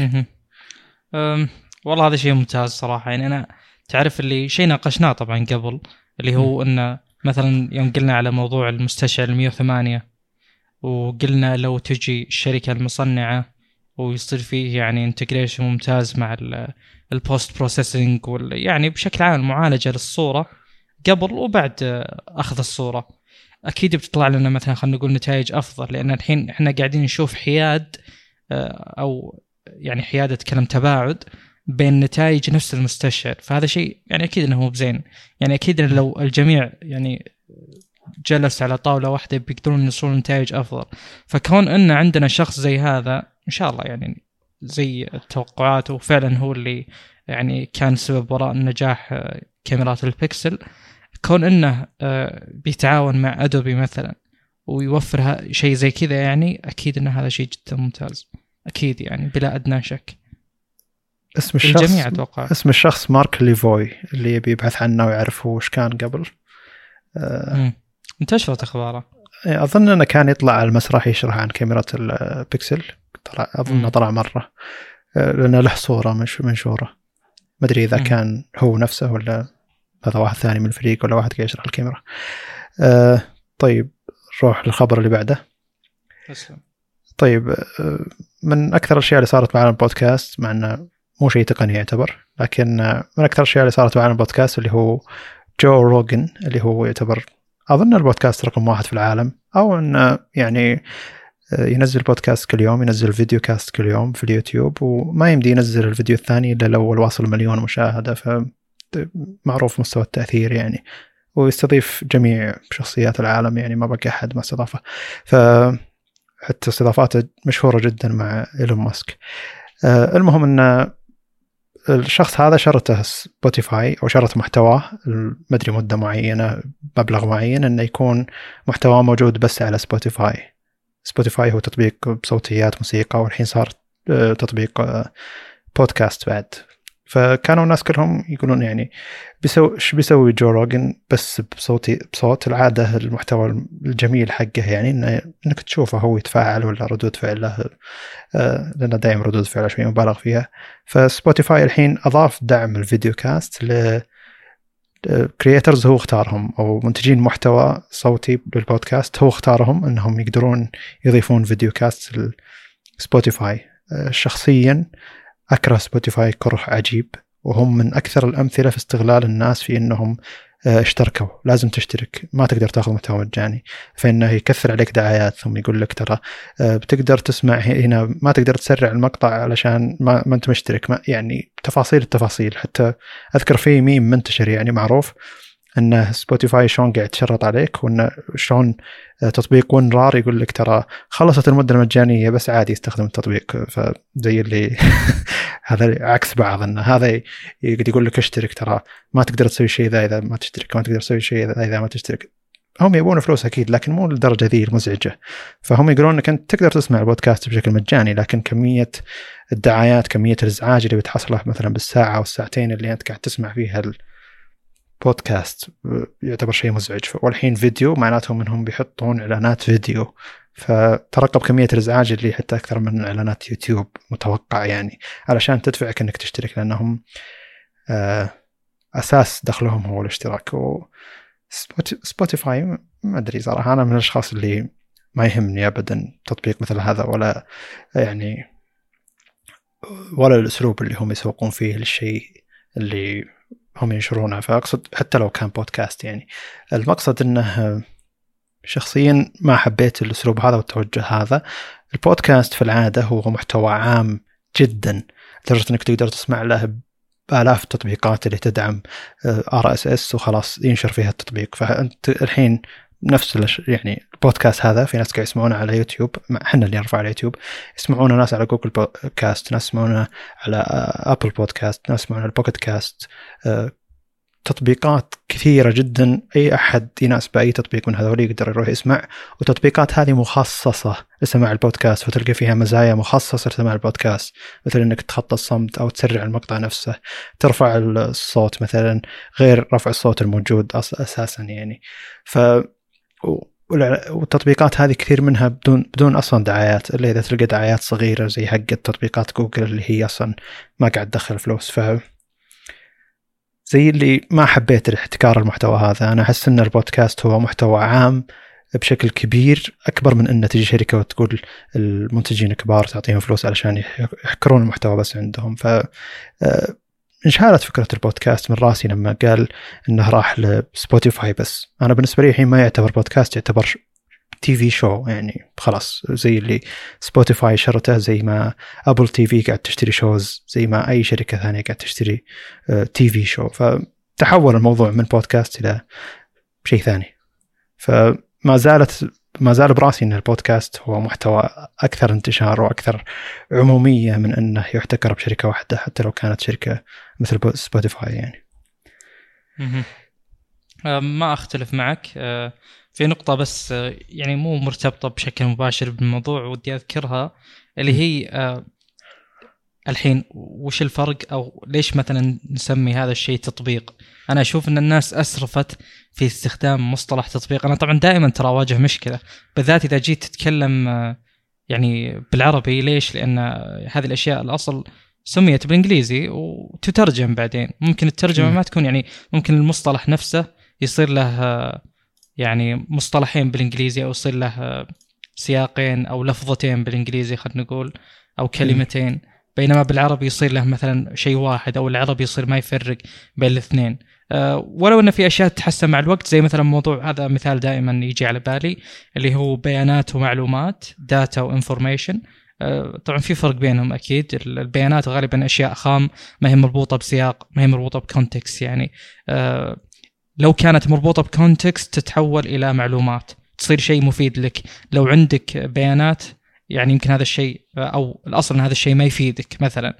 بينما لو عندك معلومات فهذا الشيء يفيدك بشكل مباشر. وضحت ولا؟ اي واضح. نفس الكلام موضوع التطبيق. أنت الآن مثلا قلت تطبيق Spotify. آه، أنا صراحة ما أحب أقول ذا الشيء. طبعا أنا ما أقصد انتقاد لك لا أكثر ما قلتها أنا. بس آه، آه، أشوف إن هذه الأشياء أقرب إنها تكون platform منصة ولا؟ لأنها موجودة على أكثر من مكان. اي خدمة يعني. بالضبط خدمة. ترى أنا قاعد أدور معك. قاعد أدور على شيء يعني فعلا يرمز للمعنى الحقيقي للأشياء هذه. لأن لو قلنا إنها تطبيق مثلا بتكون يعني تطبيق يعني اما إنك تقصد Android أو iOS أو مثلا تطبيق اللي ب Windows ولا يعني يكون مرتبط خلينا نقول نظام تشغيل. بينما لو قلنا منصة فهي مربوطة يعني يعني طريقة الوصول لها سواء تطبيق ولا بالمتصفح ما تهم. اللي يهم إنها يعني موجودة بمكان واحد. أسلم. ما عندي تعليق كثير صراحة لأن أنا أنا ما أعرف يعني. Spotify والله ما أعرف منه إلا شكله ما, ما قد استخدمته ولا حملته ولا أي شيء.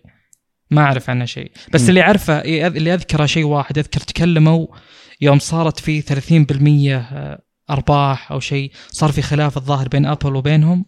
ناسي والله.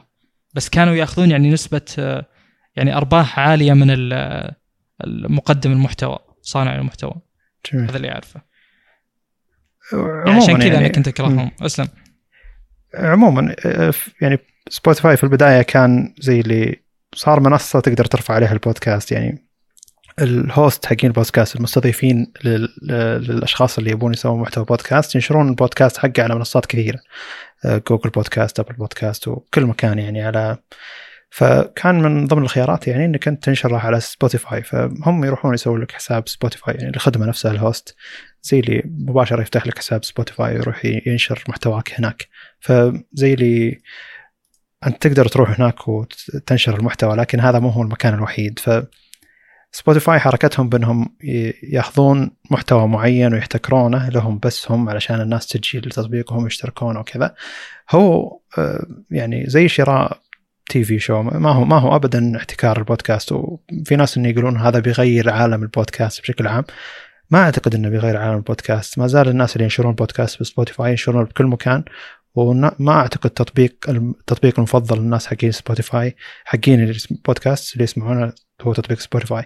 ولا أعتقد إن Spotify يقدر يعني يخلي كل منتجي البودكاست يجون عنده هذا شيء مكلف أكثر من إنهم يقدرون عليه يعني.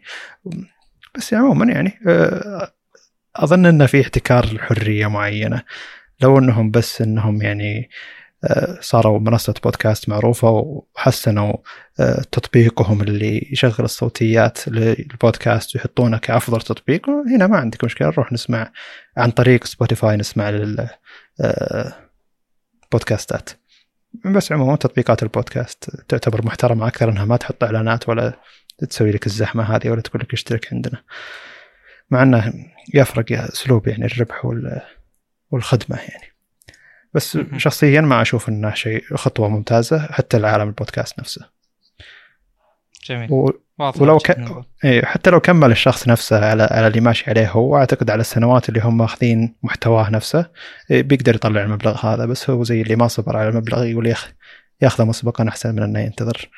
أربع سنوات أو خمس سنوات عشان يطلع نفس المبلغ. طب دقيقة أنا عندي سؤال. م. الآن المحتوى اللي موجود عند Spotify آه، أو بالأصح السؤال ليش الناس تستخدم Spotify أصلا؟ هو محتوى موسيقي رقم واحد يعني. مو مشكلة. زي Apple Music، Google Music، YouTube مو مشكلة مو مشكلة. أتوقع هذه الفكرة يعني أتوقع إني فاهمها بس أقصد انه وش الشيء اللي قدمه حصري له هل في محتوى حصري ما أدري والله أنا ما عندي علم صراحة لأنه مو معقول يعني أول مرة أشوف يعني مثلا مثلا SoundCloud خلينا نقول يوم جاب بداياته كان ميزته إنه يعني أهم شيء إنه يمديك تشغله بالخلفية وإنه هو أصلا يعني منصة صوتية بالرقم واحد عشان كذا إذا بشغل شيء صوتي مثلا بالسيارة أو أميل يعني لل SoundCloud ما م. ما يحتاج يشغل يوتيوب ويعني يصرف بيانات أكثر وإلى آخره صح ولا لا؟ بينما م. Spotify أنا ماني عارف وش يبي بالضبط لا هو تدفع له اشتراك ويجيب لك محتوى موسيقي. إيه، المفروض إنه ليش أدفع اشتراك؟ المفروض إن المحتوى ذا ما راح تحصله الا بفلوس فتحصل عندهم باشتراك بس. فزي اللي يجمع لك محتوى موسيقي الاصل إنه بفلوس يحط لك باشتراك. هذا كل شيء. YouTube Music Apple Music كلهم يطبقون الشيء ذا نفسه. إنه ادفع اشتراك وخلاص تقدر تسمع اي محتوى حتى لو إنه كان المحتوى هذا غير مجاني. ف Spotify يعني يعتبر منافس قوي في المجال هذا يعني. لأن ما لنا علم نهائيا يعني ما نسمع الشيء ذا. جميل. أسلم. آه طيب آه للخبر اللي بعده اللي هو آه جوجل تدعم شاشتين في نظامها Google Chrome. فالحين أو تختبر الشيء هذا إلى الآن يعني. ف Google Chrome كان معروف إن النظام المحتكر على شاشة واحدة بس وتقدر تشتري اللابتوب بأخف المواصفات ويشتغل عليه يشتغل عليه Chrome OS بشكل ممتاز آه، لأن النظام يعتبر خفيف يعني جدا. فزي اللي آه، أظنهم بيوسعون الشيء هذا إنهم يبون ينافسون Windows Windows 10 X اللي هو بيكون على الجو Surface Neo معنا الحين آه، زي الجهاز هذا ما قاعد نسمع فيه قاعد نسمع بس بالجوال حقهم يعني نظام Android. فزي اللي آه، على مع انتشار الأجهزة ال fold و Chrome OS يعتبر يعتبر نظام ممتاز للأجهزة اللي مواصفاتها ضعيفة عموما. زي اللي جوجل تبي تخلي في مجال للشركات إنها تحط أجهزة آه، قابلة للانثناء آه، أو أجهزة fold يعني علشان تقدر تستخدم اللمس على الشاشتين.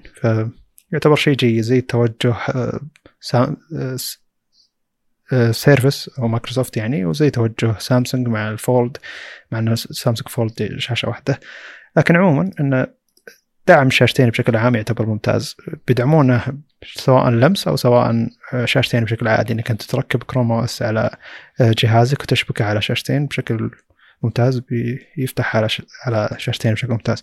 فيعتبر شيء جيد. بنفس الوقت هذا يعني Windows 10 X قاعد يركزون على تطويره إنه مو شرط يدعم آه، شاشتين بشكل ممتاز يبونه يدعم شاشة واحدة بشكل ممتاز. لأن تصورهم إن الشاشة الواحدة تكون أكثر عملية لأجهزة التابلت يعني.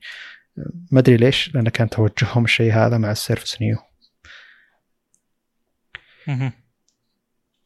جميل. صراحة ما في تعليق لأن تكلمنا كثير عن الموضوع. صح أه، بس. اي بس دخول جوجل الفكرة هذه يعتبر شوي غريب وفي الغالب إنك تشوف تعديلات على النظام قبل لا هي تعلن عن شيء خاص فيها فهمت؟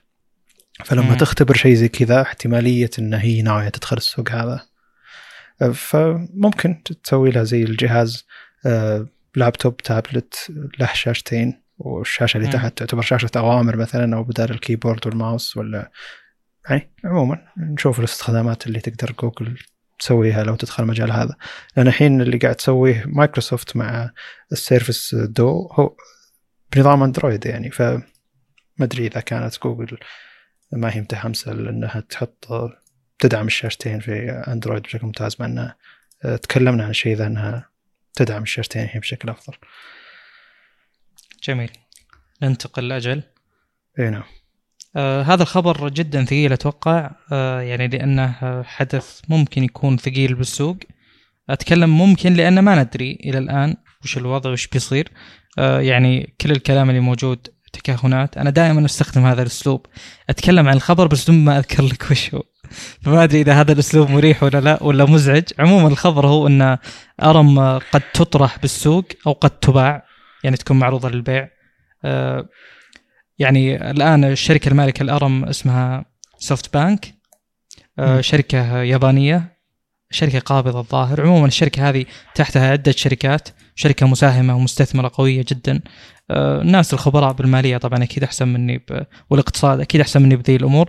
بس اللي بوصله بشكل عام إن SoftBank هذه تحتاج فلوس حاليا تحتاج سيولة آه، بسبب مشاكل صارت ب Uber بما أنها عندها يعني أسهم كبيرة أو إنها مالكة ال Uber ما أدري بالضبط بس انه آه، اللي صاير الظاهر انه في بيع كبير مثلا صار ب Uber آه، سبب إن الأسهم تقل هناك أو يعني تنخفض. ف عشان كذا وعشان هذا التغيير عموما صار في نوعا ما خسائر بالأموال وهم يحتاجون الآن سيولة بشكل سريع مثلا. ف اللي بيصير إنه يعني شافوا وش وش المكان اللي بيعطينا فلوس يعني أو بيعطينا الشيء اللي نحتاجه بالضبط فوقع الاختيار على أرم. إلى الآن ما في شيء رسمي آه لكن آه طبعا أكيد يعني شيء ضخم جدا زي كذا يعني آه شركة Arm أو Arm A R M يعني هي تقريبا وراء كل جهاز محمول آه، تمسكه سواء embedded systems اللي هي الأنظمة المدمجة زي نظام خلينا نقول بثلاجه ولا نظام مايكرويف يعني ممكن حتى هذه الأنظمة تكون آه، ب Arm. طبعا نتكلم يعني هو الأصل إن الأجهزة الذكية كجوالات والملبوسات كلها Arm. هذا ما في شك. بس اتكلم إن الموضوع ترى يعني يطال أشياء أخرى. ما هو مقتصر على ذي الأشياء بس. آه عموما آه في شركات الآن طبعا أكيد بيطلع كلام إنه من اللي ممكن يكون يعني له نظر مثلا انترستد إنه يعني يشتري الشركة هذه أو يساهم على أو ينافس يزايد على شرائها. آه، في تضارب كبير بالأخبار. يعني آه، فيه مقطع إحنا شفناه لشخص تكلم عن الموضوع آه، وقال إن هواوي ممكن هي اللي, اللي تكافح وتشتري الأرم لأنها بيكون شيء مهم جدا لها. بينما في أخبار ثانية لا ما ذكرت هواوي نهائيا لا من البداية ولا النهاية. قالت إنها ابل يعني ممكن تحتاج يعني أو ممكن تفيدها أرم.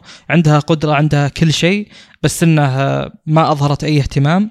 بينما أكثر شركة يقولون يعني بحسب هذا المصدر أظهرت اهتمام فعلي اللي هي Nvidia والغريب إن Nvidia ما لها علاقة مباشرة بسوق خلينا نقول Arm processors يعني بشكل عام. لأن أغلب شغلهم مبني على X 86 مبني على desktop أصلا. وما دخلوا بسوق يعني الأجهزة الذكية أو الأجهزة الصغيرة المحمولة. فعموما عموما إحنا ودنا نتكلم ما ودنا نتكلم على قبل لا أذكر وش اللي ودنا نتكلم عليه ما ودنا نتكلم على يعني من اللي بيشتري وش بيصير بالضبط ودنا نتكلم على يعني زي ما تقول خطورة الموضوع أو أن هذا حدث كبير بالسوق. يعني من ناحية أن نذكر آه، لو مثلا جت شركة زي هواوي وصار عندها شيء تقدر تمسكه على جوجل تقدر تمنعه من جوجل. فيصير فيه زي ما تقول يعني آه، كل واحد عنده كرت قدام الثاني. جوجل اللي هي النظام آه، هواوي عندها اللي هو يعني مثلا تقدر تقطع أرم ترخيص أرم لكل الشركات هذه. طبعا أنا أستبعد هذا الشيء بس أتكلم إنه إنه كرت قوي. أه ولو إنه صراحة أنا ما كنت متوقع تصير مشاكل أندرويد مع هواوي بس إنها صارت. يعني فممكن هذا الشيء يحصل عموما. ف أه يعني بس خلينا نتكلم أو خلينا نجيب سيناريوهات اللي شو ممكن يصير. أول شيء ليش إحنا قلنا ليش هذا الشخص قال هواوي هي اللي أكثر شركة مثلا ممكن تحتاج الصفقة هذه. السبب أن مثلا جوجل ما تحتاج هذا الشيء. ليش؟ هو من ضمن السوق حقها. هي جدا معتمدة على أرم. بس إن جوجل أصلا عندها كرت اللي هو أندرويد. فأنا آه، يعني الكرت هذا ما راح يفيدني بشكل كبير. أنا تقريبا ماسك أغلب السوق بسبب إن عندي Android. فما أحتاج أضيف كرت خدمات ثاني. جوجل خدمات جوجل مو Android. خدمات جوجل. ولو انه يعني جوجل الآن تعطي تعطي نسخ مجهزة صح؟ للمصنعين. موجودة مو بس خدمات. لا بس هذه نسخ Android موجودة لأي أحد يقدر يستخدمها. هواوي قاعد يستخدمها بالضبط. لكن خدمات جوجل هي المشكلة. اللي عارفه أنا سبب التحديثات في نسخ تصدر بشكل أبكر للمصنعين صح ولا لا؟ حلو. أنا ما ما عندي علم. اي ف آه، هذا شيء وفي الشيء الثاني اللي هو النسخة العامة اللي أي شخص يقدر يحملها. فحتى م. النسخة اللي تصدر المصنعين ما أظنها تصدر الهواوي اللي يكون صدورها أبكر طبعا م. من ال... عموما ما, ما نسهب في يعني الخلاف في هذا لا المقصد إنه مو هذه نقطة التأثير الأساسية. نقطة التأثير الأساسية هي خدمات جوجل اللي هي الأقوى يعني. جميل. طيب آه مثل ما قلنا آه جوجل عندها هذه هذا الشيء. Apple عندها إنها مثلا هي والمستخدمينها. يعني يكفيها وجود النظام وجود ال ecosystem هذا بشكل كامل. Qualcomm آه، تعتبر يعني مسيطرة على السوق فما هي محتاجة أنها تشتري ال ال يعني ARM عشان مثلا تزيد نفوذها. ما هي محتاجة نهائيا لأن أصلا عندها شيء ماسكته فجميع اللي معهم كروت آه، يبدو لي بحسب اللي قريته أنا حاولت إني أقرأ بشكل مطول عن الموضوع. جميع اللي عندهم كروت ما في منهم أي اهتمام لشراء ARM. طبعا هذا يحتاج سيولة كبيرة جدا. يعني مثلا ب 2016 يوم SoftBanks أو SoftBank شرت ال ال الشركة هذه ARM آه، كان المبلغ 32 مليار. فشلون الحين؟ كم بيصير؟ بيتضاعف بشكل كبير. هذا غير موضوع ال يعني الحرب اللي ممكن تصير على شراء آه، يعني أرم. عموما أنا توقعي الشخصي يعني أو اللي ممكن يصير الأصل أن هواوي بتقدم اللي قدامها واللي وراها عشان تشتري أرم. هل تقدر؟ ما تقدر ما أدري. بس إنه مو بس هواوي اللي بتكون أتوقع يعني يعني بتدخل بأموالها مثلا. أكيد إنه بيجيها دعم حكومي يعني. لأن أصلا هي حرب يعني تسيست وليست يعني بين شركتين بس. ف الموضوع كبير يعني هذا بس يوحي لنا قد إيش الموضوع كبير. يعني مثلا لو افترضنا افتراضيا لو جت شركة شرت أرم ووقفت التراخيص ترى بيوقف السوق. بس إنه مو هذا التكتيك الصحيح طبعا وفي ناس أخبر مني بهذا المجال. يعني أنت الآن يوم يوم توفر منتج لمنافسينك أنت الآن عندك كرت وفرة يمكن الوقت أصعب. يعني أنت الآن مسيطر عليهم لأن هم يستخدمون منتجاتك. زين؟ آه قطع الأشياء هذه ما هو ما هو قرار يعني آه، بالبزنس آه، صائب. لأن أنت حرقت الكرت الآن مثلا جت هواوي شرت الأرم ووقفت الترخيص كل الشركات الباقية ممكن تتحد وتوفر شيء والشيء هذا ما يجي الهواوي مثلا. جميل. زين. ولو إن الموضوع business ما هو موضوع أحقاد شخصية وكذا. بس الكلام اللي تذكره جميع الأخبار اللي تتفق عليه آخر شيء اللي هو ال conflict of interest اللي هو اختلاف المصالح. بيصير في اختلاف مصالح كبير جدا. SoftBank كانت شركة محايدة. الآن ممكن نفقد الحياد هذا. أسلم. أنا صراحة شخصيا يعجبني تفكير الشركات المادي البحت في العادة يصير مفيد للمستهلك خاصة مع التعاون مع الشركات الثانية business to business يعني. ف ودي إن مثلا Nvidia تشتري AMD ومثلا تعطي تجربة أفضل في ال GPU اللي قدمها AMD مثلا أو تستفيد AMD من تجربة Nvidia الموجودة في ال GPU مع انه يعني شيء أقصد الأسلوب اللي اللي يستخدم كمعمارية يختلف لكن أعتقد إن الشركة ذي تقدر تستفيد من الشركة ذي لكن اللي صاير بين هواوي وجوجل عموما وخدمات جوجل آه، هو أمر سياسي مستحيل الشركات بعقلها تفكر بالشيء هذا لأن مصلحة شركتين هي اللي آه، منقضية يعني أو رايحة فيها يعني. ف تفكير الشركات المادي دائما إن تعاوني مع الشركة هذه بيفيدني شرائي من الشركة هذه بيفيدني. ونفس الشركة اللي قاعد تبيع الشيء ذا تقول أنا الأصل إني بزنس جاي أبيع الشيء اللي أحتاج أبيعها فليش أوقف؟ يعني أي شركة ثانية بتاخذ أرم مثلا ما راح توقف المبيعات لاي شركة معينة إلا إذا كان الخلاف جدا كبير بينهم ومنها مثلا الخلاف السياسي اللي صاير. لكن آه، كل الشركات الثانية غير أي شركة صينية بتكون عاقلة أكثر من أنها توقف على أي شركة ثانية الصلاحيات أو أنها تصنع تستخدم معمارية ARM. الحدث جدا كبير لدرجه إنه ما نقدر نعلق عليه وكل المسألة افتراضات فقد يكون هذا جزء من الخيال المستقبلي ممكن يصير شيء زي كذا ويصير زي كذا يعني زي اللي تو يوم قلت. عن AMD ولو أخذت الشركة مثلا. بس عموما أتمنى أي شيء يصير للشركة ذي مثل ARM يصير شيء إيجابي ويتحسن تحسن تجربة المستخدم بشكل عام وتحسن التقنية بشكل عام. وما نبي مزيد من الصراعات في بين الشركات اللي تخلي المستخدم ما يرتاح إنه يستخدم أي شيء من أي جهاز. فزي اللي صاير مع هواوي الحين استخدام أجهزة هواوي يعتبر غير مريح ابدا.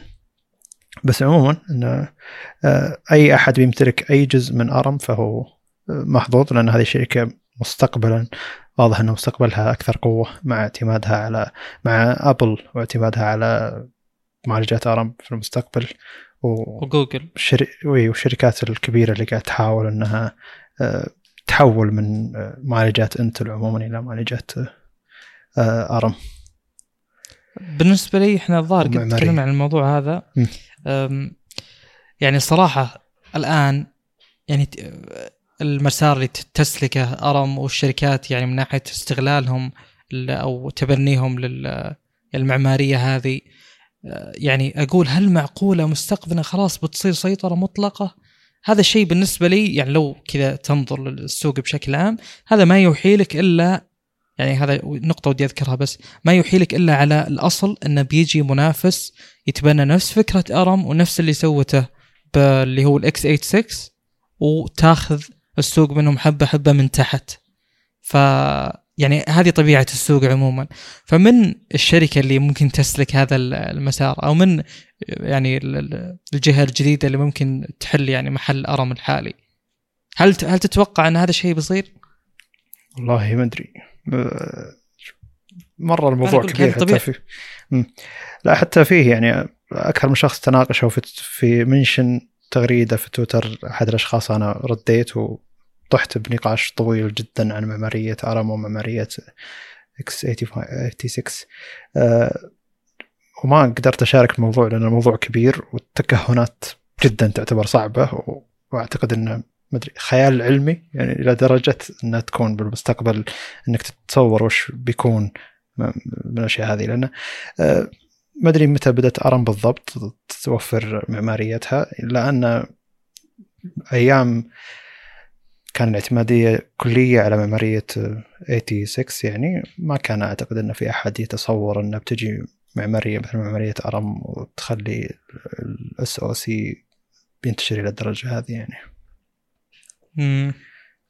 بس شوف أنا معليش الكلام اللي كنت أقوله ترى دورة الانتقال هذا دورة وجود مصنع جديد أو معمارية بلو برنت يعني جديد ترى تاخذ وقت يعني أنا أتكلم قل 2030 وطالع يجيك هذا يعني يبدأ ينتشر ويصير له وجود قوي بالسوق زي وجود أرم الحالي فهمت؟ يعني الموضوع م. أكيد إنه ما هو السنة الجاية هو اللي عقبها ما في شك ممكن لحاجه تدعو إلى هذا أه، وأيضا لحظة نقطة أخرى يعني أنا متأكد إنه قوة أرم بالتراخيص وليس يعني زي ما تقول ببراءات لا معليش هي براءات الاختراع بس أقصد براءات الاختراع هذه عشان ما تقدر تنسخها صارت أرم لها أهمية مو مم. عشان انه يعني بالضبط هي أصلا شركة بيع تراخيص ما هي شركة بيع هاردوير ف مم. يعني الأصل لو صارت مشكلة سياسية قانونية مفروض يعني لو صارت مثلا أتكلم افتراض خيال لو صارت يعني آه، الصين وأمريكا ما تجمعهم محكمة أو ما يجمعهم قانون دولي نهائيا صار كل يلعب على كيفه مثلا آه، أكيد إنه بيصير في نسخ المعمارية أرم صح ولا لا؟ بدون ترخيص بدون أي شيء. اي بس من الشركة اللي يعني. الشيء هذا يعني لو صار الشيء ذا يعني هنا السؤال. آه، أو تجتمع شركات معينة لها خبرة في المجال وتسوي شيء يفك الأزمة. لانها بتصير أزمة. صح. وأيضا Qualcomm هي اللي مشكلة اللي قاعدة تصنع فعليا. فهذا شيء أيضا آخر يعني يكون بالحسبان.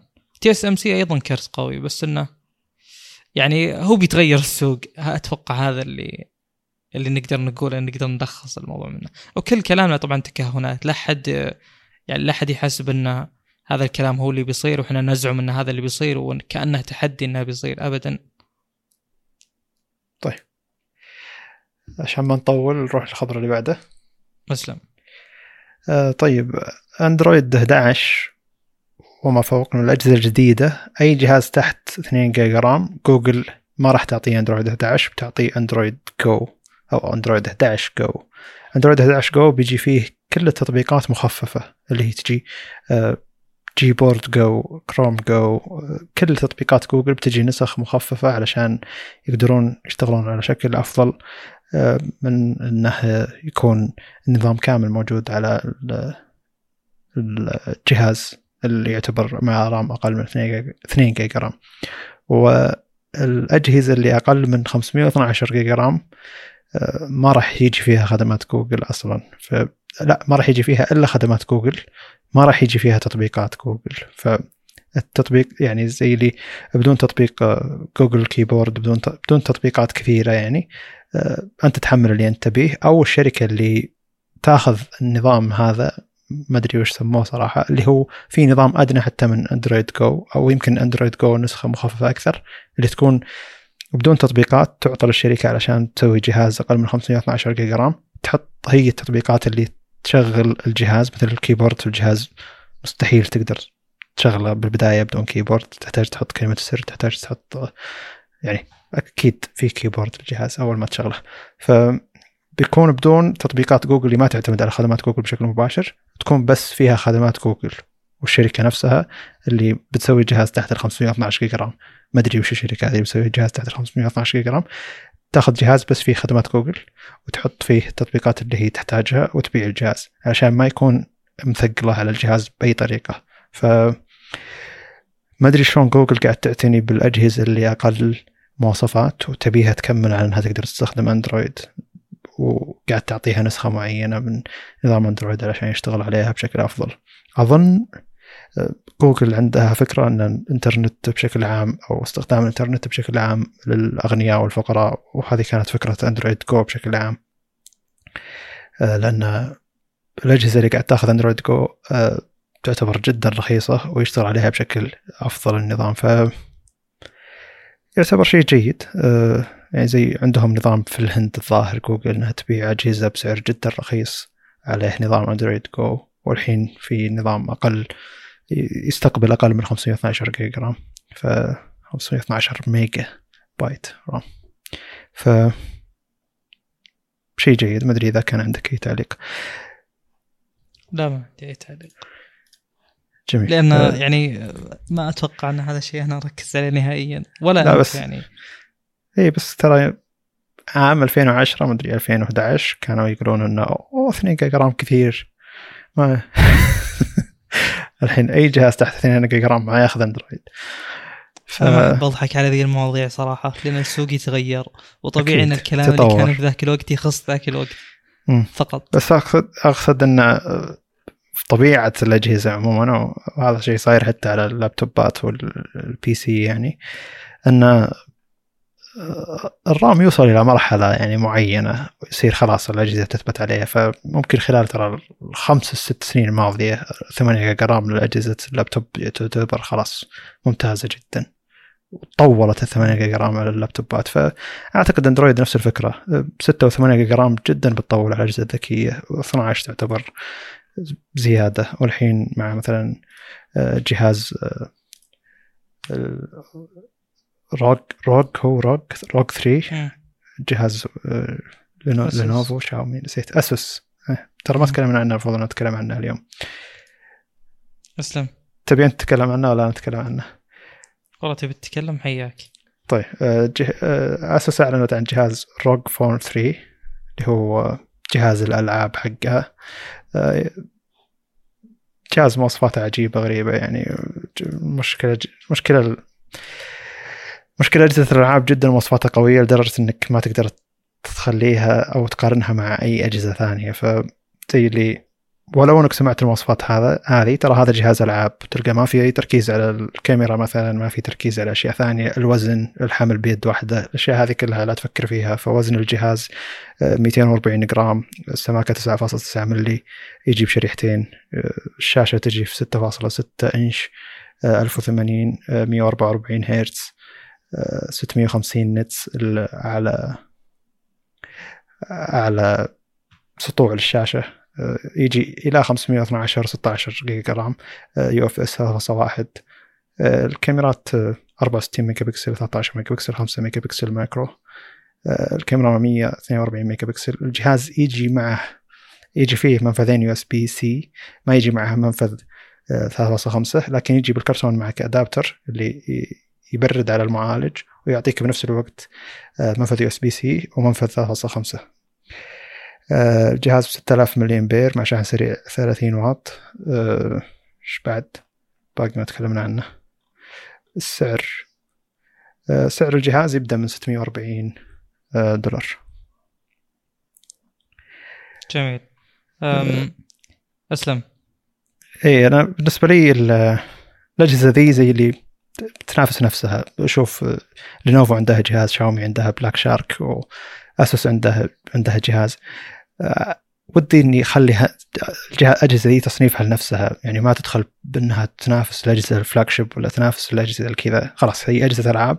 في أفضل جهاز ألعاب في أفضل جهاز flagship في أفضل جهاز زي اللي يصير لها تصنيف مخصص لها بحيث إنك تأخذ أي جهاز من هناك بيناسبك للألعاب بيعطيك بطارية قوية علشان الألعاب لكن ما يهتم بأي جانب ثاني من ناحية الوزن آه، المسكة بيد واحدة البطاريه يعتبر مناسب للناس كثير ترى استخدامهم.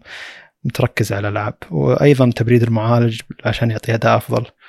آه، فكرة إنه يحط لك USB-C 2 مو واحد. فشيء جيد. وجود 865 Plus.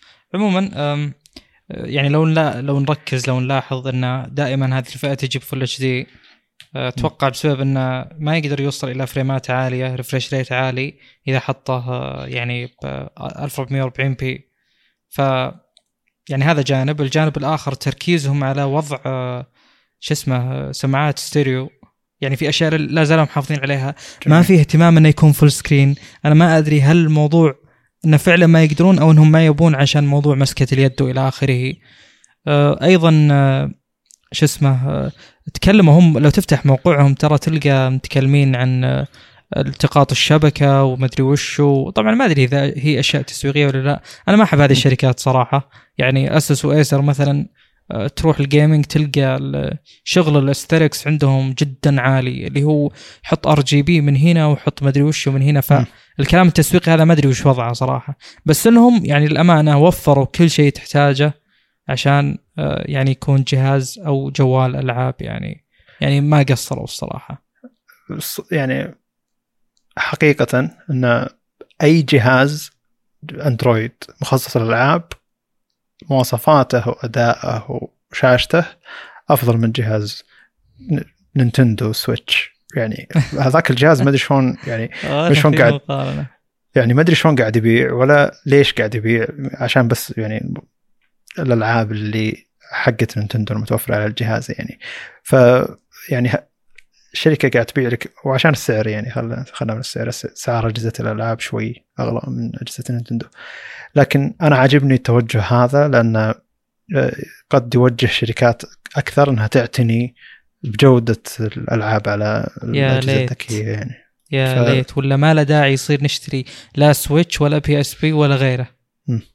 ف يعني فعلا و- هذا السوق الأفضل والأقوى حاليا أسلم. وال... اي والمجال الربحي فيه جدا عالي. كمية الفلوس اللي تدخل صحيح. من ال... ال... يعني تطبيقات الألعاب ما أدري إيش سميتها تطبيقات يعني. بس الألعاب الموجودة على أندرويد يعني آه... كمية الفلوس اللي تجي مبهرة جدا والتطبيق تلقاه أو اللعبة نفسها سخيفة ولا الجرافكس حقها الله بالخير ولا لعبه يعني جدا عادية يعني. لكن آه، في عنصر متعة فيها خلت الناس يدفعون يعني ما هي مشكلة. فأتمنى إن في شركات تطور تطبيقاتها أو ألعابها بشكل ممتاز على الأجهزة ويفكرون بالأجهزة هذه. ما يفكرون انه أوه اللعبة تشتغل بشكل ممتاز على الأجهزة بشكل عام لا. خلها تشتغل بشكل ممتاز على الأجهزة هذه عشان تعطينا أداء أفضل يعني. فقد يكون جزء جيد من قد يكون يقصد هذا السوق إذا تطور بشكل ممتاز ياثر بسوق الألعاب على أندرويد بشكل عام. بس ترى يعني للأسف في شركات يعني أنا ما أحب شخص الأمور بس في شركات زي نينتندو. أنا أشوف إنها شركة متخلفة نوعا ما. آه، لا بس. أقصد الحين الحين يعني مثلا The Witcher 3 موجود على جهاز Nintendo Switch ولا هو موجود على أجهزة زي هذه. وش المنطق؟ يعني تروح تشغلهم على تشغل The Witcher 3 على مع إنه مع احترام شديد يعني على Nintendo Switch ولا تشغل على الجهاز هذا يعني. مع. إن كلهم يعني ما راح يعطونك الأداء اللي أنت تتصوره على PC وحتى على PlayStation 5 ولا 4 لكن بيعطونك على الأقل أداء ممتاز على شاشة صغيرة بتقدر تلعب اللعبة بشكل أفضل من حتى Nintendo Switch اللي شاشته تعتبر سيئة وال RAM حقه ضعيف والمعالج حقه يعني ما هو بنفس 365 Plus شوف آه، في نقطة موضوع تبني ال- اللي هو شو اسمه ال 3D renderers مثلا زي ال- اللي يحولون لك يعني إلى 3D اللي يحولون لك إلى شيء رسومي اللي هو ال- اللي تكلمنا عنهم ال OpenGL Vulkan وغيره. ممكن هذول وجودهم على Android لأن Android يتبنى أو المعالجات تتبنى شيء معين اللي هو الظاهر OpenGL وما أدري وش الثاني. يعني يمكن يمكن أنا أقول لك إن البيئة ما هي جاهزة تماما. يمكن لكن مو أكيد. آه هذا شيء. الشيء الثاني آه يعني ما أدري وش الحاجز الموجود حاليا عند بعض الشركات مثلا أو عند يعني مثلا زي Nintendo ليش ما تدخل للسوق هذا؟ يا أخي قدم Switch نظام أندرويد. وش المشكلة يعني؟ أنا أفكر أتكلم كونسبت إنه يكون عندي آه مثلا أزرار قابلة للتخصيص. طبعا هو ما مشكلة ما في دعم يعني مثلا تدخل اللعبه الفلانية ممكن أنت تحتاج تخصص الأزرار. هذا شيء يمكن جميل. غير جيد. فأتكلم أن أندرويد طبعا نوعا ما يتحسن آه، من ناحية الألعاب. مطورين الألعاب المفروض أيضا يتحسنون من ناحية ال... يعني من ناحية الشيء هذا.